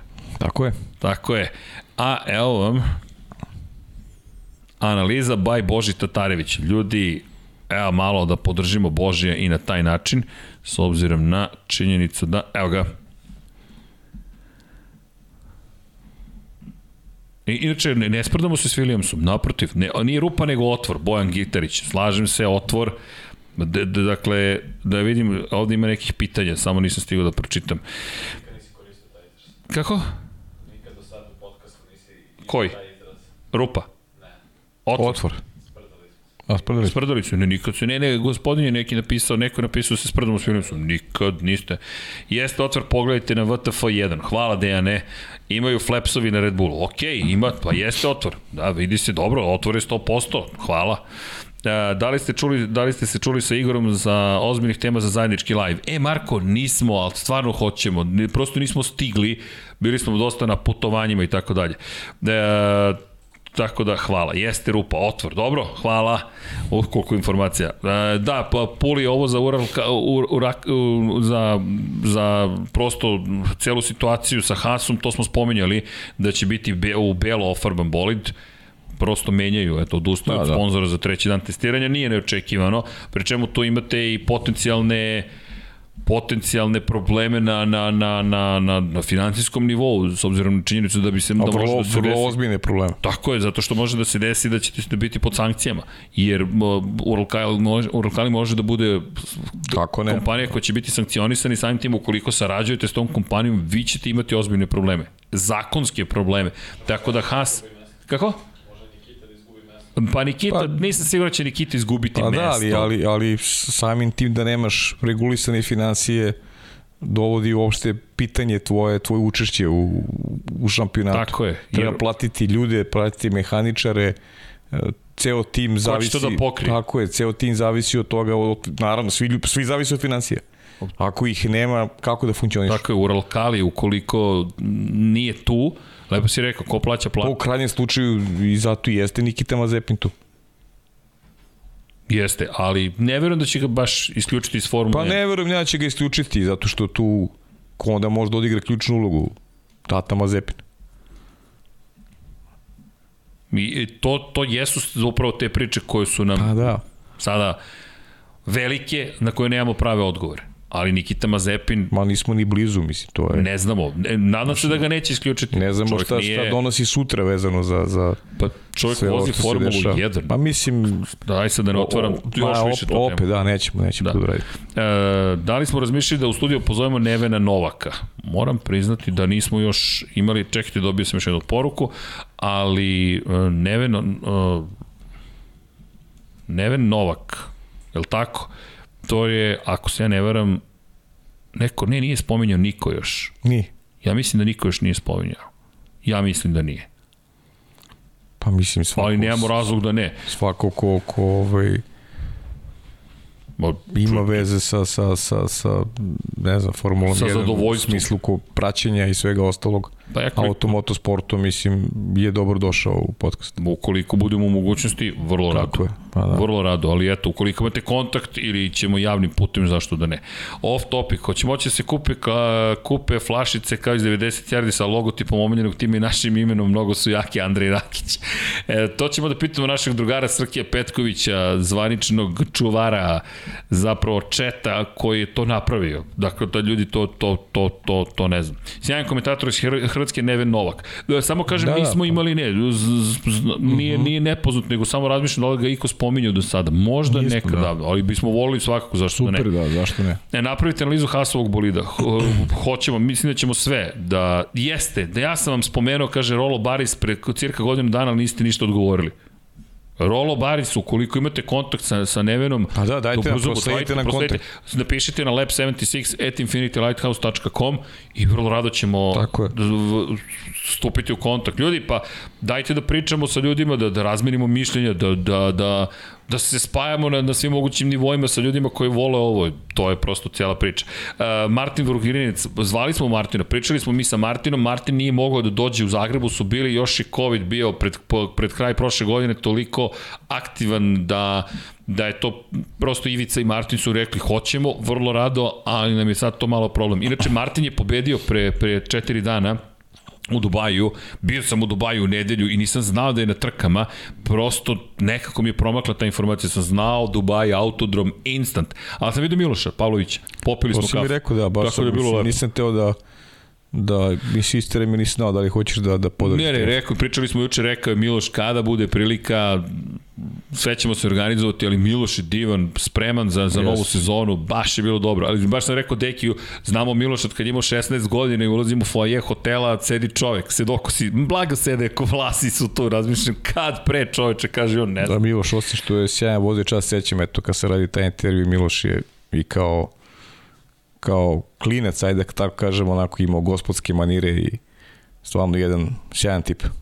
Da, aha, Josip Reštarović kaže, ajmo Reddit, pa jeste, to ćemo da, evo, piše mi ovde sa svih strana Reddit da treba da se aktiviramo, izgleda ćemo morati i Reddit, da ćemo morati Pa dobro, i Discord server. Discord ne mogu da stigne već dve godine. To mi je jedna od glavnih stvari koje, koje bih volao da uradimo. Zato što svi divni ljudi koji su nas podržali od početka tamo na Discordu ko zna šta se sve događa, prosto nisam ispratio. Znaš ko mi je rekao, moja, moja bratanica Sofija od 11 godina, imaš ti striče Discord? Pozvaću te ja na, da se priključiš kod mene na Discord. Rekao, važi dete, ajde, ajde. Da, imamo fotografiju, ali nisi teo da objavljam fotografiju. Miloš je poslao samo Dekiju, tako da, da ne, ne, ne, ne, neka. E, ali vidi, sa majicom svemirskog teleskopa. A, sjajno. Kaže ti, kog čovek, sede, seda kosa. Pa, da. Evo, gde si Miloš? Menjamo se, menjamo se. menjamo se, da. Polako ti još nisi. Pa dobro, ima vremena za mene. Da, da, da. Evo, Hasan Još Bratić nam je poslao to, to, upravo druga strana. Ma, Hasan je car. Has, Hasane, šta da ti kažem? Evo, mi pokušavamo da podelimo još neke informacije. Ajmo da vidimo e, da li ima još neko pitanje. Verovatno ima milion pitanja, samo ja ne stižem. Ali dobro. To je sve u redu. Čekaj da ispratimo. Gde nam je chat? Pobego mi je -huh. chat negde. Pop out chat. Ajmo da vidimo. Um, da, da, ima li kakve šanse da, da vas se vidi na VRC Croatia Rally? Da planiramo da dođemo. To nam je prosto deo, deo našeg godišnjih plana za, za 2022. Tako da se nadamo da ćemo se družiti sad gde tačno, kako, to još nemamo razrađeno, ali da, u planu je da dođemo u Hrvatsku, prosto pa čekajte u komšiluku je reli, to je Formula 1 u svetu relija, moramo prosto, to, to, to, to, je, to je želja. Tako da znate, eto, a nadamo se da će malo i biti, vidim da ukidaju polako neke od zabrana po pitanju covid pa se držimo palčeve da će ove godine biti gledalaca, prošle nije bilo. 21. do 20, od 21. do 24. aprila čisto i da podsjetimo uh -huh. kad se šta dešava i kada pričamo o ovoj godini, zapravo kada pričamo o, o kalendarima, ove godine mi iz perspektive Formule 1, eto vidjet ćemo da li će biti promjena u kalendaru što se tiče Rusije, ali to je tamo kasnije, 20 od, od, od 25. do 27. izvinjam se Marta, od 22. do 24. aprila je Italija. Tako da ako budemo u Italiji, to je jedini razlog da možda se ne pojavimo na reliju Hrvatske. Ako budemo u Italiji. Ako ne, bar prvog dana u četvrtak ćemo se pojaviti da, da malo snimimo, ostavimo atmosferu, popričamo, da se družimo u krajnjem slučaju. Pa to je jedina šansa. Pa da. Jedina četvrtak. Pa da, jer u petak, ukoliko nismo u Italiji, već, U moramo, kabini smo. već smo u kabini, U kabini. U, u Beogradu, tako da znate. A što se tiče MotoGP-a, takođe 24. aprila je velika nagrada Portugalije, tako da ja cenim da od mene neće biti ništa u Imoli, ali možda odeš ti. U to bi bilo zabavno da, da, da, da, da sve pokrijemo. Reali Hrvatske, Imolu, Portugal. Pa znaš da je nemoguće, ali dobro, lepo zvuči. ali vidi, ti znaš da ja uvek želim nemoguće. Da. Da, eto tako da znate, bit ćemo sad tačno gde ćemo biti, ne znamo. E, ispali smo sa crvene liste za Katar, kaže Boris. Ispali smo, to znači ne treba nam izuzeće više, ali dobili smo izuzeće. Ne, da, Dorna ove godine se zaista potrudila i, i od katarske vlade smo dobili izuzeće za, za karantin, što je, što je super. Andri Rakić, ili bi mogla neka organizacija da se ode u Hungaroring, to nam najbliži cirkus, a uvek je tamo zanimljivo. Pa znate šta, u, ko- zavisi organizacija. Mi ne smemo formalno da organizujemo, jer nismo turistička organizacija niti agencija, pa po zakonu ne možemo da organizujemo. Ali da li ćemo možda biti u Hungaroringu, pa držite nam palčeve. To je jedna od trka koje su potencijalno izvesnije. Tako da znate. Pitanje za Paju, mu se sviđa Juventus sa Vlahovićem? Da, naravno. Molim vas. Polako, o tom potom. Polako o tom, eto, Ne čuli ste. neki veliki teret stavljati na pleće, neko ima 22 godine, ali bit će to u redu, polako. Lepo, to dobro izgleda, čak i ja sam ispred. Izgleda, izgleda vrlo korektno. Da, inače u Dubaju bio i, i Cristiano Ronaldo, vaš bivši Ko je taj? igrač. igrač neke tamo ekipe. Zakupio je Burj Khalifu sa slikom e, svoje supruge i postavio za 450.000 dolara. Ljubav ti je to. Glasan za Vlahovića. E, kako komentarišete? E, da, da, da, još jedna stvar. Nismo spomenuli, va, veoma važno, izašao je novi pravilnik i potvrđeno je da više iz Q2 gume koje koristiš ne moraš da preneseš na početak trke. To Da, da, da, da. da. to je baš Da, velika jest, promena. jest. Pa jo, jel tebi Pa to dobro ili je. loše? Jeste Najavljeno najavljeno, je, ali sad da. je potvrđeno.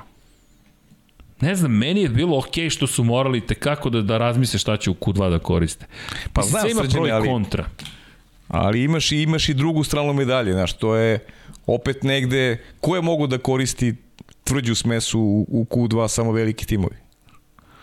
Činjenica. Opet daje, opet daje, Jeste, jeste, u pravu si. daje, daje dozu, si. daje veću dozu neizvesnosti jer mogu i ti uslovno rečeno manji da da ovaj ako ništa drugo imaju Upravo si, probio si se u Q3, ušao Pa si, da. 8. si, 9. 10. i kažeš idem na tvrde gume jer mi to daje šansu u trci. Da, ne, mislim, 100% re, redki su redki su bili ti koji su mogli da prate Mercedes I drugo, Red Bull, možeš da menjaš u zavisnosti od toga kakva će biti situacija na početku trke. Možda će nam dati više uzbuđenja. Pa, ja se si. nadam, da, tako da Ne, ne, upravo si 100%.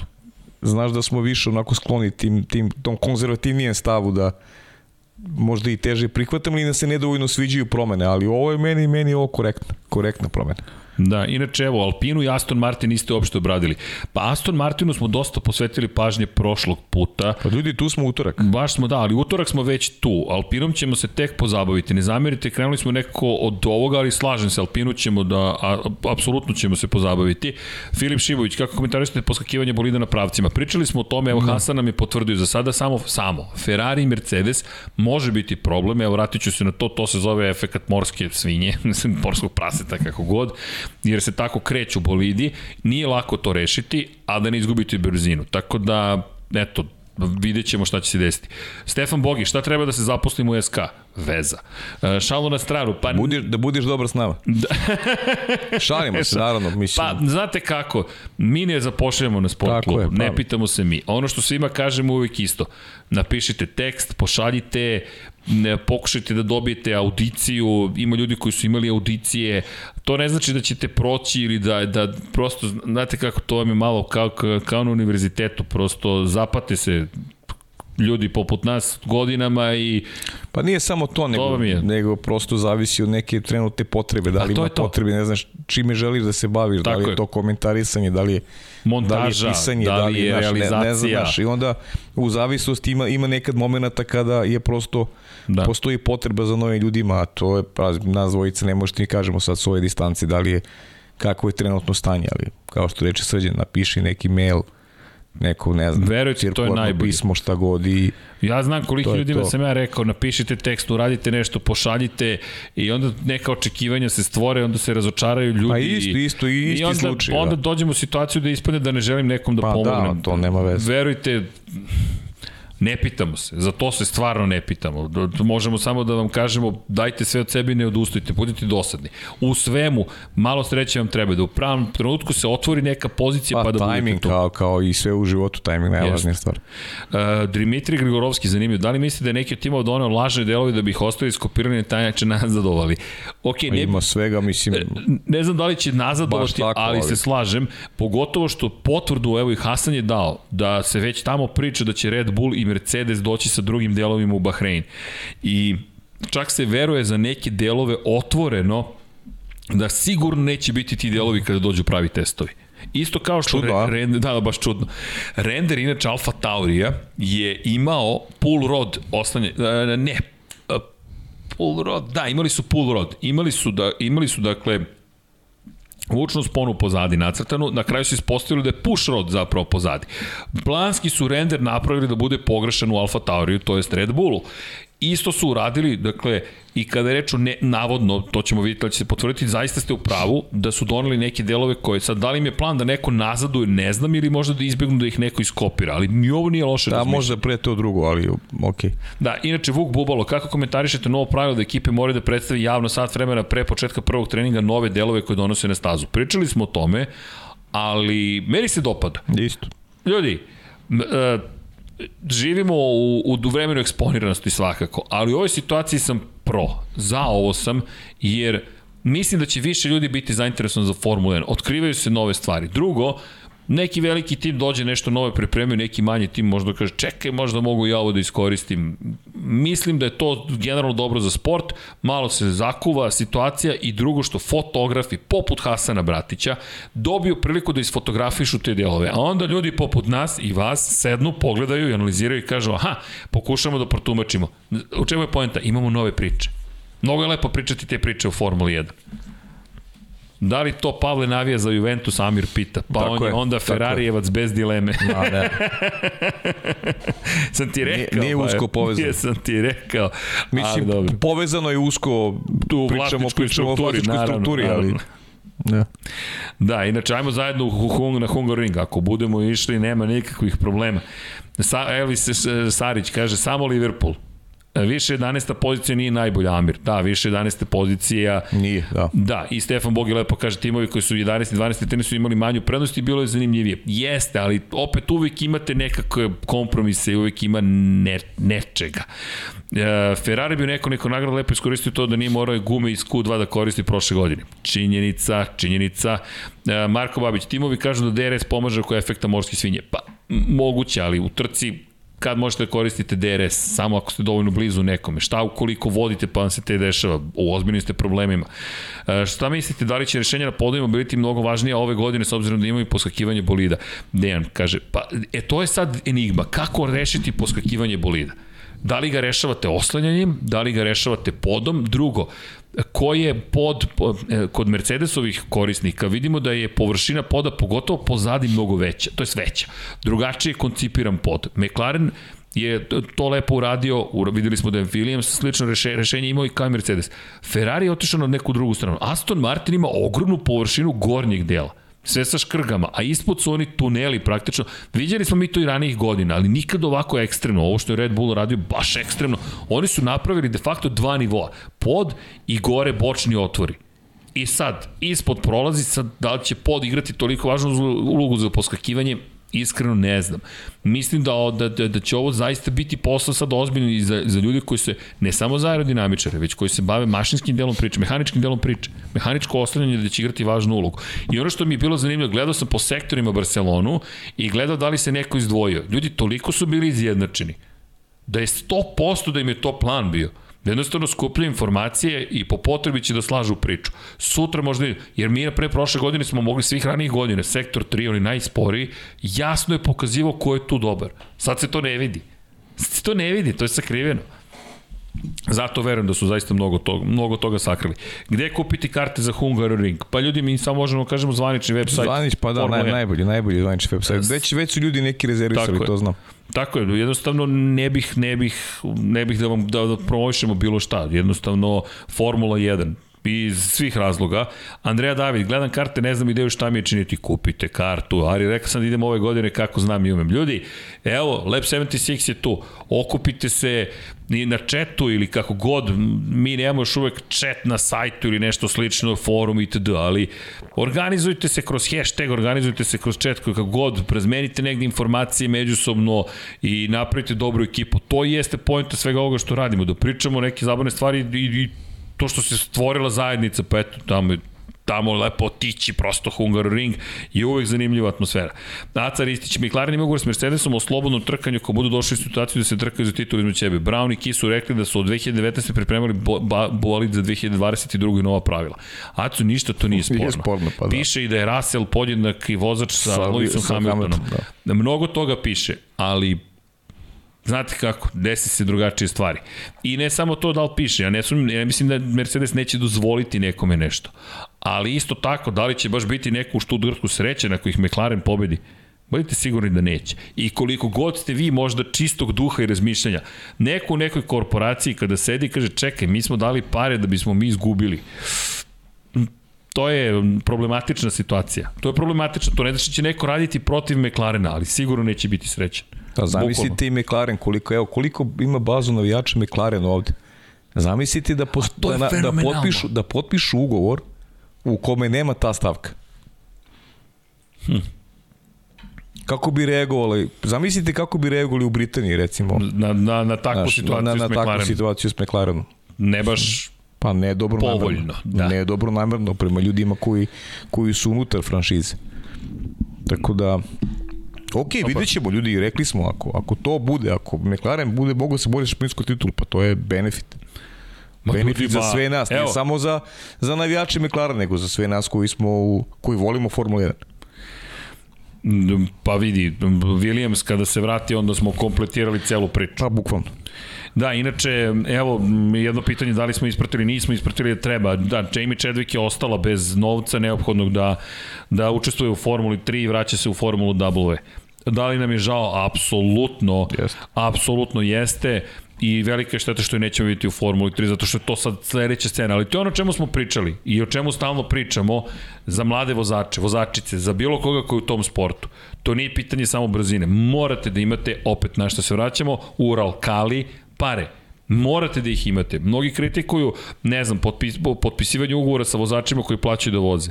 To je jedina opcija. To je prosto jedina opcija. Dok Liberty Media drugačije ne počne da deli novac i dok ne dođemo od toga da su svi timovi stabilni i nešto uradi poput Dornu Moto Grand Prix, to, to nam je, to je pa, situacija. Mnogi kritikuju i mi kritikujemo. Ja prvi, ali prosto ali to je stvarnost. stvarnost je takva, da.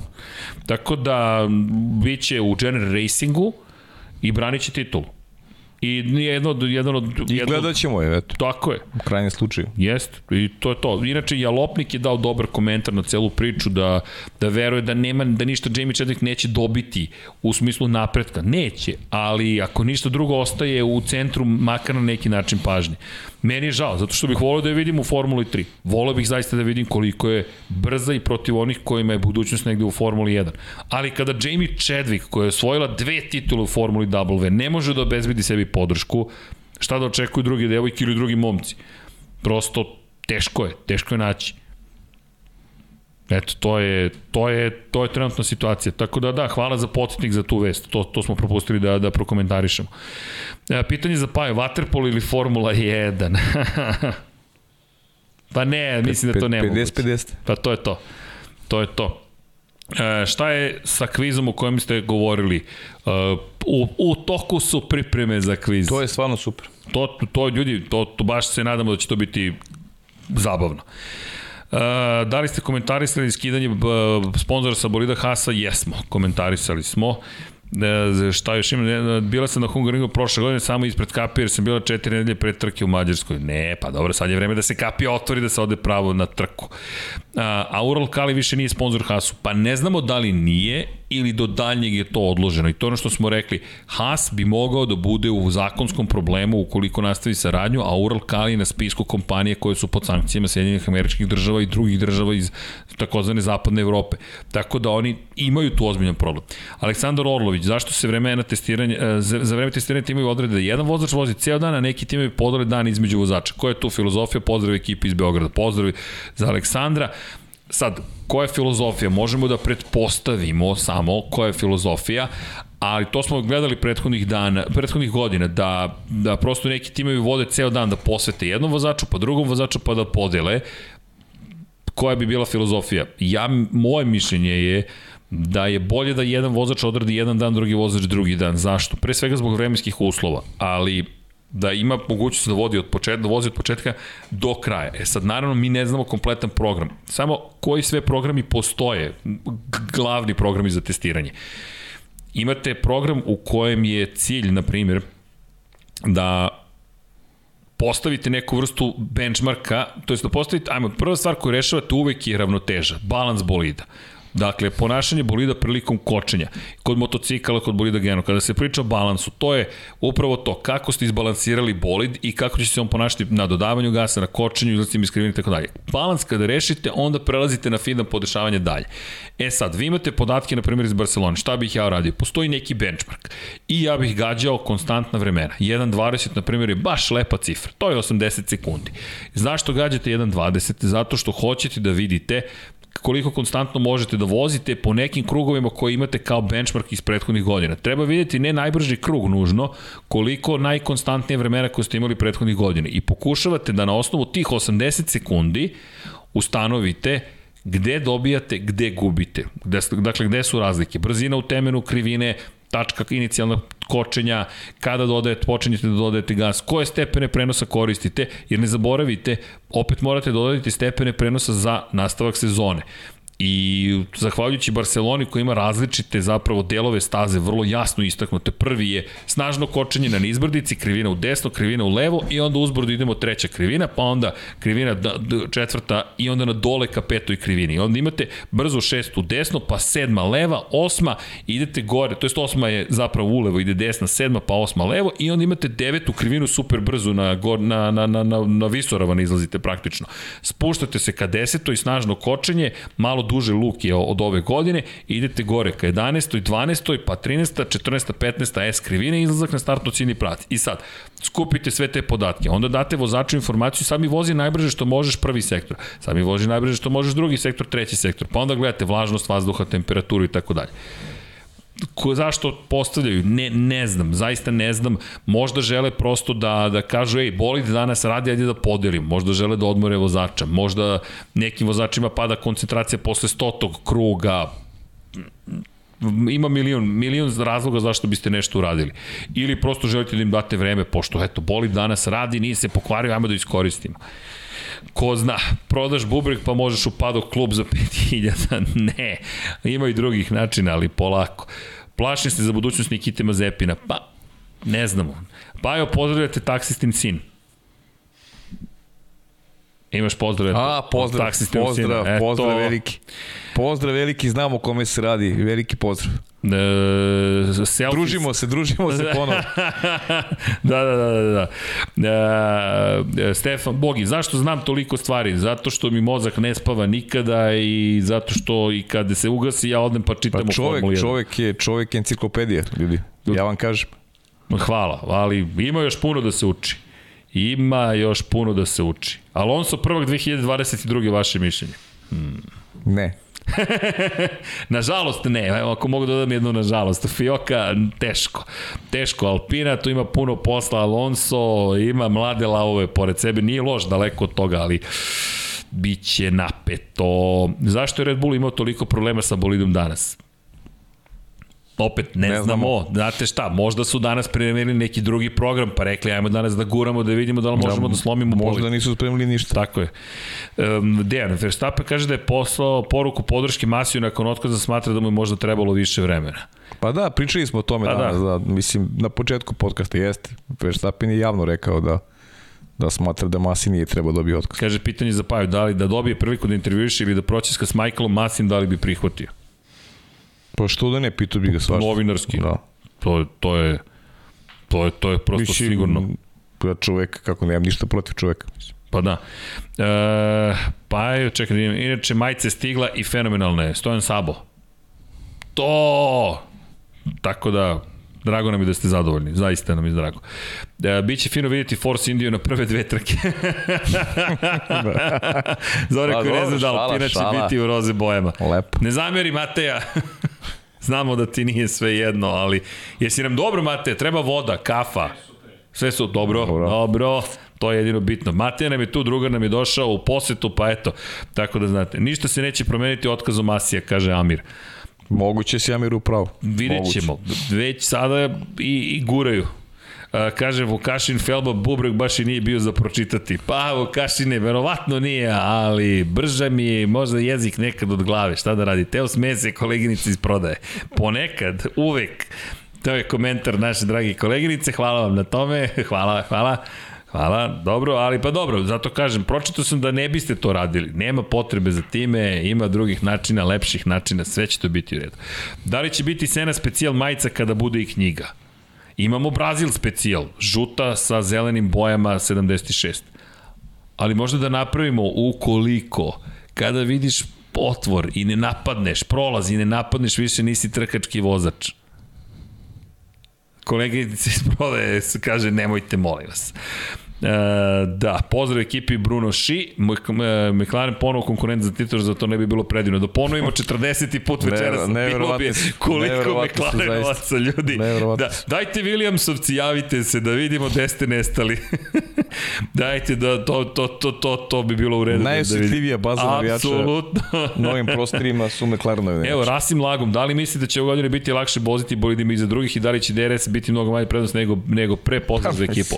Pitali smo Hasana, ljudi imamo špijuna. Čekamo. Hasane, molim te, isprati tu Prati, situaciju. da, sutra, To. sutra, ovaj, Hasan je podeli To. nešto društvenim mrežama da ljudi vide ovaj, šta, je, šta je bilo tamo. E, šta možemo u Katru, futbol? Pa To, ne to, ja to ne znam. Pa ne. ja, ja, ja, ja nemam pojma. A Ja, mislim, to niko nema pojma, ljudi, to je, da ne ulazimo u tu temu, to Ja- je za neki drugi podcast. Ja mogu da vam sredim ulaznice eventualno za MotoGP i to je sve, a sve ostalo u Kataru, bojim se Drugi da, neki da teško. podcast. Tako je.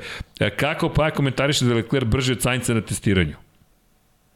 Pa mislim, Leclerc je brži vozač od Sainca.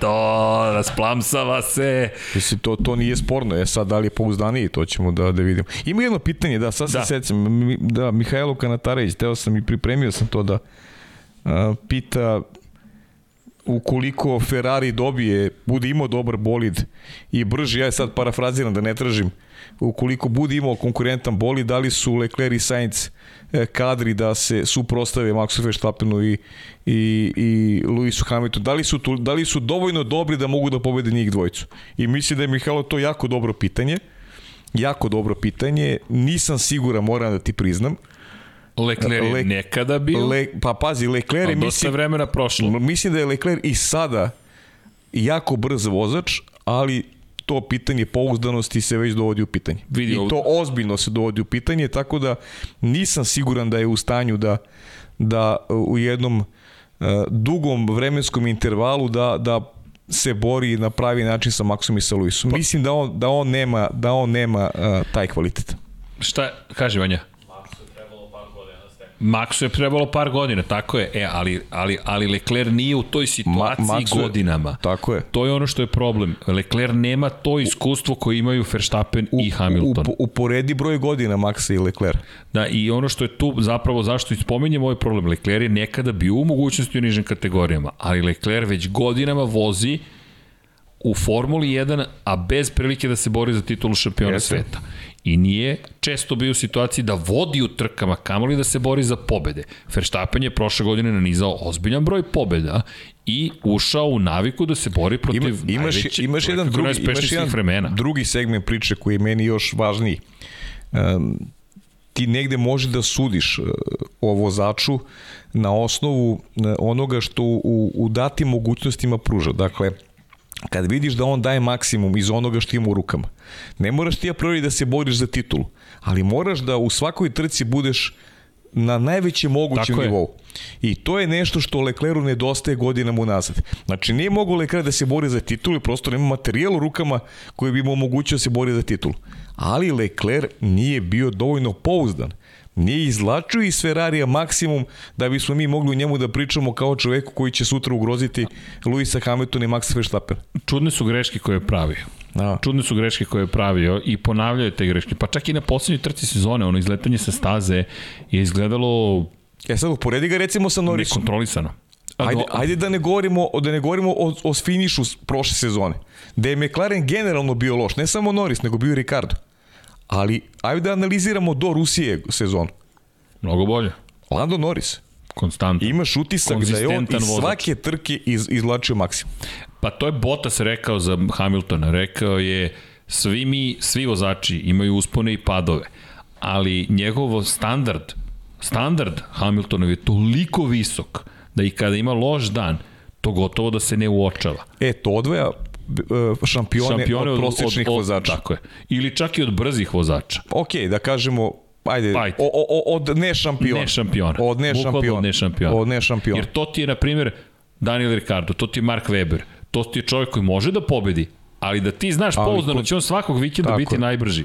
Pa ne. to je, to je ovo što je Max pokazao prošle sezone. I zato jeste velika sezona bila Kako i? Verstappenova i Hamiltonova. To je to. Na Hamiltona se to već navikao, čovjek je najuspešniji svih vremena, ne znam u čemu uopšte to pa nema, pobjeda nema čovjek ima besmisleno. A, a s druge strane Verstappen se odupreo i to je odlično, sjajno pitanje. E sad, Ferrari kao što je sticao iskustvo da napravi bolid, ajde da vidimo da li je napravio dovoljno dobar bolid da oni mogu da uđu u te bitke i da počnu da stiču ponovo ta iskustvo ili će možda Leclerc da kaže ljudi ja sam rođen za pobede, sad ćete da vidite. E, tu onda, i tu je onda dobro pitanje, to s početka, vraćamo se na početak pitanje Leclerc ili Sainz. Da. Znaš, a priori brži je Leclerc od Sainz. Ali na duže staze, da li je Sainz taj, da li je Leclerc taj koji koji bi mogao da se da se bori za, za, za najveći ulog. Izvini, smijem se, ali ti ne znaš koliko McLarenovih navijača. Pa znam. McLaren Ja drugi znam. tim svih vremena, Bojan Đurđević. McLaren do titule, smooth operator, dobro, to je za Sainca. Sainz je Dark Horse, konstantan kao Luisa, ima brzinu Leclera. Vidjet ćemo, mislim da taj, ta, taj jedan, onaj cutting edge, onaj moment gotovo instinkt ubice da to nedostaje Saincu, da ne mu nedostaje taj moment kada bude baš bilo dramatično da bude da će biti dovoljno drzak da se suprotstavi ajkulama. Mislim da to Saincu najviše nedostaje. E, Kako komentarišete ukidanje ceremoniju sa avionima pre početka trke? E, pa, znate šta ljudi, ne znam, ja volim show, spektakl, meni je, meni je to sastavni deo, skupili smo se, pa eto, još nešto se dešava, pride, ne znam, u Abu Dhabiju kad proleti putnički avion praćen lovcima, to izgleda to spektakularno. Drugačije kada ste na stazi, pritom na TV-u lepo izgleda, ali evo sad ne znam, prošle godine u Mizanu smo bili, kada su imali takav prelet i baš je impresivno. Impresivne su bile vežbe u subotu i meni je bilo zanimljivo da gledam njihove prelete koliko puta su vežbali. Ne znam, ja sam više, možda ja prosto volim malo tako, kitnjaste stvari, ali meni to lepo bilo. Meni iskreno uopšte ne smeta ovaj, što toga neće biti. Bato. I da sada ne obrazlažem, to mislim potpuno je Jasno. nevažno.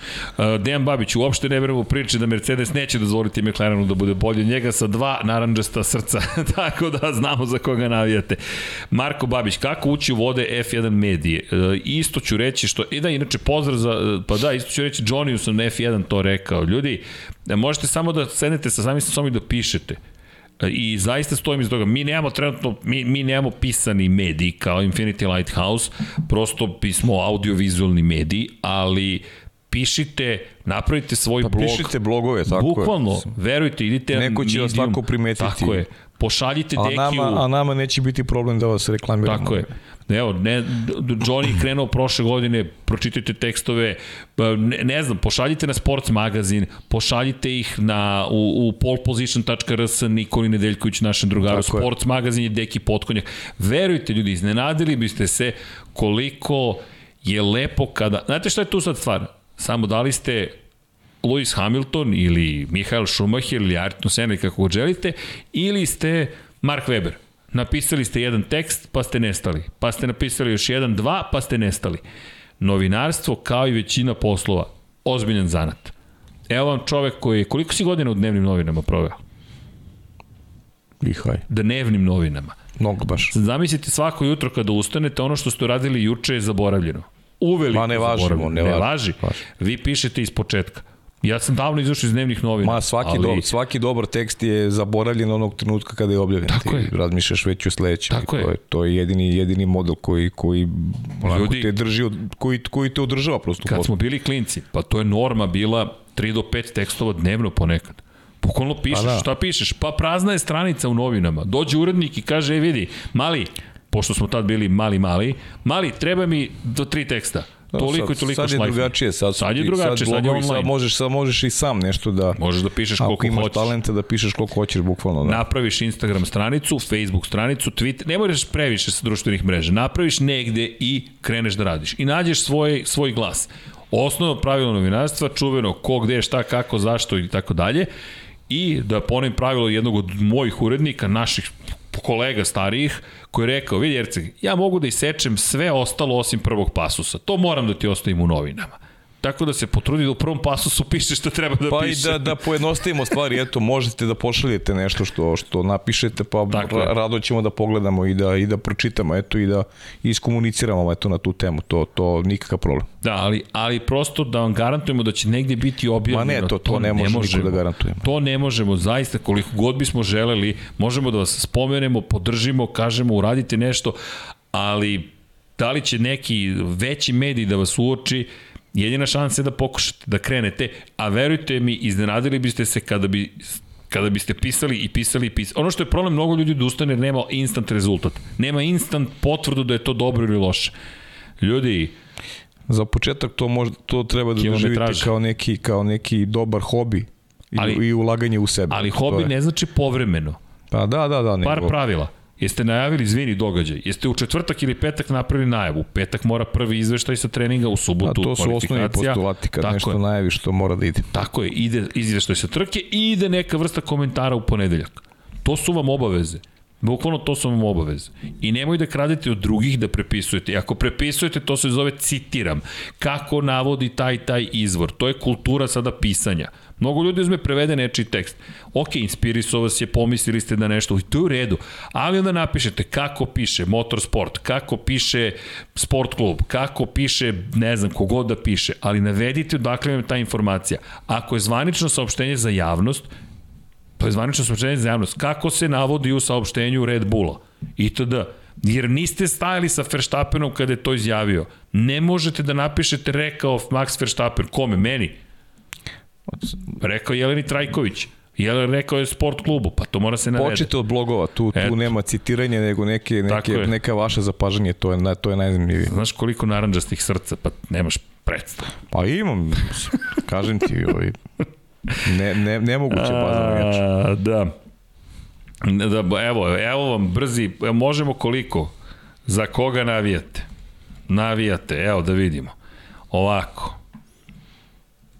Mercedes je osvojio titulu prošle godine, pa ih pišem prvo. Pa Red Bull bio drugi, pa ćemo da stavimo Ferrari kao treći, pa ćemo da stavimo McLaren i to ne možemo više da stavimo. Tako da, eto, prva četiri, pa ćemo da pitamo o nekom drugom prilikom ostale za koga navijaju.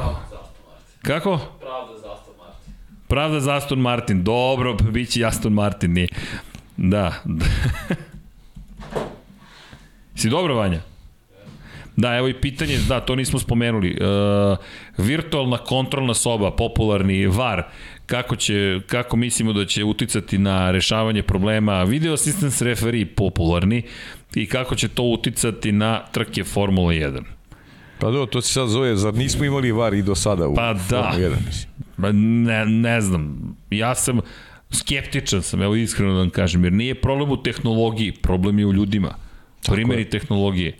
Nije problem u varu, kao varu. Problem je u tome šta ljudi rade sa time i kako tumače pravila i na što to, to se na kraju pretvori u sprdnju.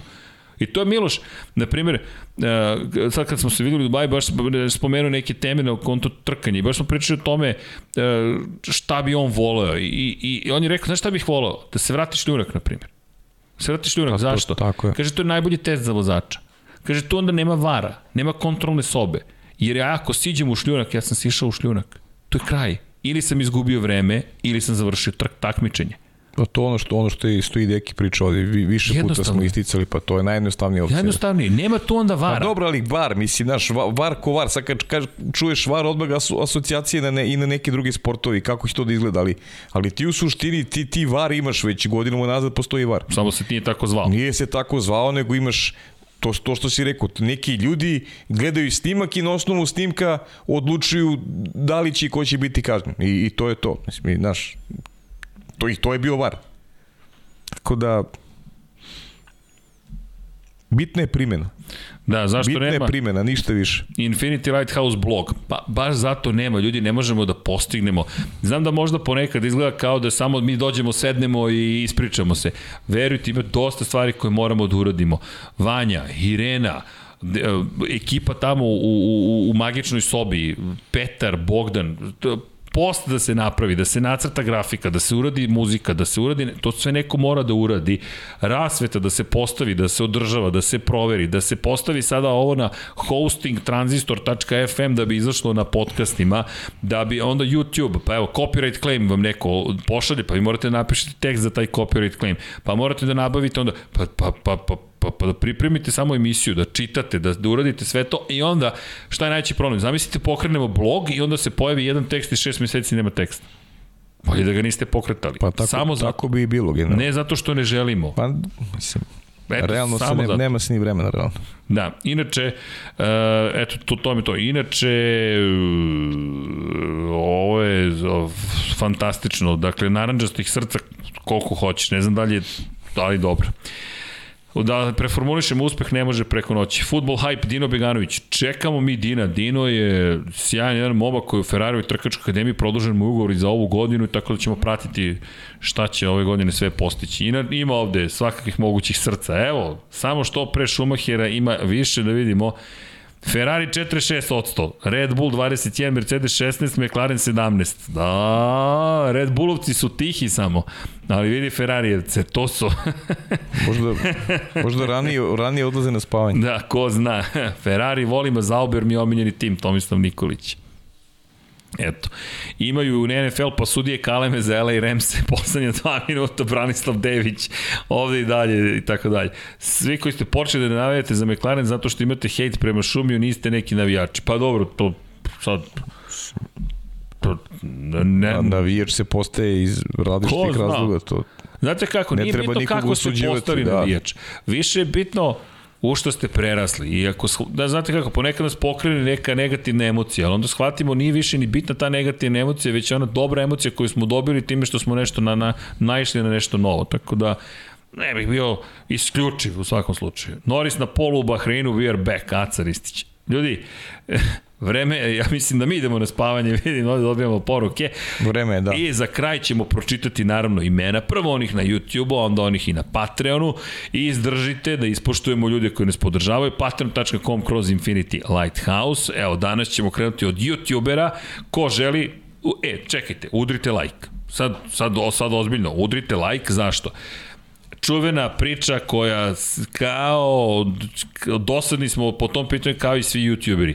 Da, YouTube nas tera da lajkujete, jer kad udarite like, onda algoritam to pomaže, onda YouTube kaže ja ovo je još bolji sadržaj nego što sam mislio da jeste, onda se preporuči većim broju ljudi, onda više ljudi kaže aha, ok, ovo je možda nešto zanimljivo, pa onda više ljudi udari subscribe i tako dalje. Znam, dosadni smo, ali ako vam nije teško, udrite like, prosto pomaže celoj ekipi. I da, radimo svi za korporaciju koja se zove Google, ali Sela Vi dali su nam takođe i platformu, da se ne lažemo, na kojoj možemo svi zajedno da se spojimo. Tako da eto, like je jedna pozitivna stvar iz te perspektive i nama pomaže. A što se tiče join, monetizacija čuvena, međutim to je više, moramo mi da napravimo još bolje zabavu za, za sve koji su se joinovali, postali svetioničari.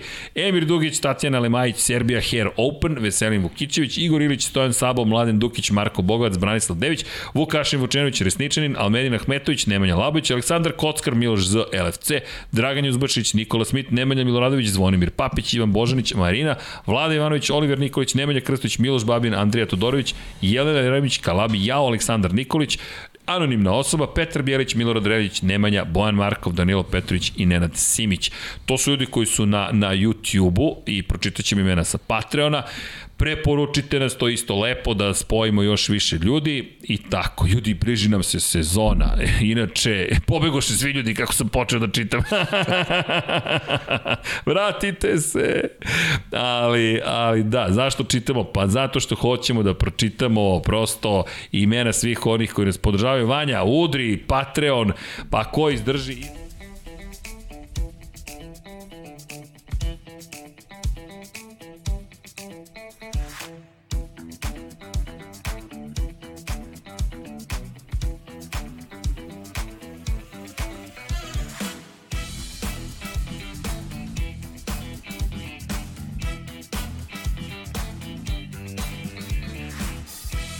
Zoran Šalamov, čovek iza našeg šopa, Laslo Boroš, Đorđe Radović, Ivan Simonović, Mihajlo Krgović, Nera Divić, Nikola Božinović, Monika Erceg, Omer Kovačević, Filip Banovački, Miroslav Vučinić, Predrag Simić, Žorž, Stefan Vidić, Mlađan Antić, Jelena Mak, Mladen Krstić, Marko Ćurčić, Milan Nešković, Ivan Maksimović, Bojan Mijatović, Petar Relić, Stefan Privić, Nenad Simić, Luka Savić, Andrej Boža, Boris Gvozden, Boris Golubar, Zorana Vidić, Luka Manitašević, Ljubo Đurović, Borko Božunović, Đorđe Andrić, Aleksandar Gošić, Mirjana Živković, Nemanja Miloradović, Miloš Vuletić, Vukašin Vučenić, Ognjen Marinković, Miroslav Cvetić, Marina Mihajlović, Veselin Vukićević, Jelena Jeremić, Antonio Novak, Stefan Milošević, Nikola Stanović, ali to ti trešaš pod ili prolazi tramvaj? Prolazi tramvaj.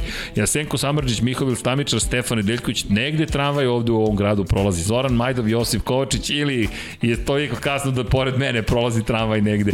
Lazar Pević, Benjamin Nemanja Jeremić, da žena ne sazna, Boris Kujundžić, Tijena Vidanović, Stefan Ličina, Aleksandar Antonović, Dejan Vujović. Ivković. Ok, Njemanja Zagora, Đole Bronkos, Aleksa Jelić, Aco Vizla, Igor Vučković, Milan Ristić, Branko Bisački, Neda Đorđević, Vukašin Jekić, Aleksandar M, Žarko Milić, Dejan Đokić, Bojan Marko, Vertan Prelić, Igor Šparić, Alen Stojčić, Depressed Cody, Garbrand Fan, Strahinja Blagojević, Aleksandar Jurić, Vladimir Filipović, Branislav Marković, posledeći put ću prezimena pa imena, Radulović Vanja, Đukić Đorđe, Todorov Miloš, Milić Žarko, Mesić Emir, Stanković Stefan, Ristić Dušan, Petković Vladimir, Njemec Pavle, Đodan Jovan, Erceg Boris, Katarina, Ivan Cigir, Ovo je zvučalo drugačije. Andrej Bicak, Mladen Mladenović, Dimitrije Mišić, Bahtjer Abdurmanov, Andreja Branković, Nebojša Šivanović, Jugoslav Krasnić, Nenad Pantarić, Vlada Ivanović, Stefan Janković, Aleksandar Banovac. A ko je ostao uz nas, sada možemo da saopštimo ono glavno. Šalim se, nema. Glavno je, glavno je iza nas ova tri sata. A pozdravi za Mateju, posebno koji sedi ovde i postoje sastavni deo kauča, ja mislim, ali Mateja, nadam se da se izdržao i da je bilo zabavno, da je vredelo doći.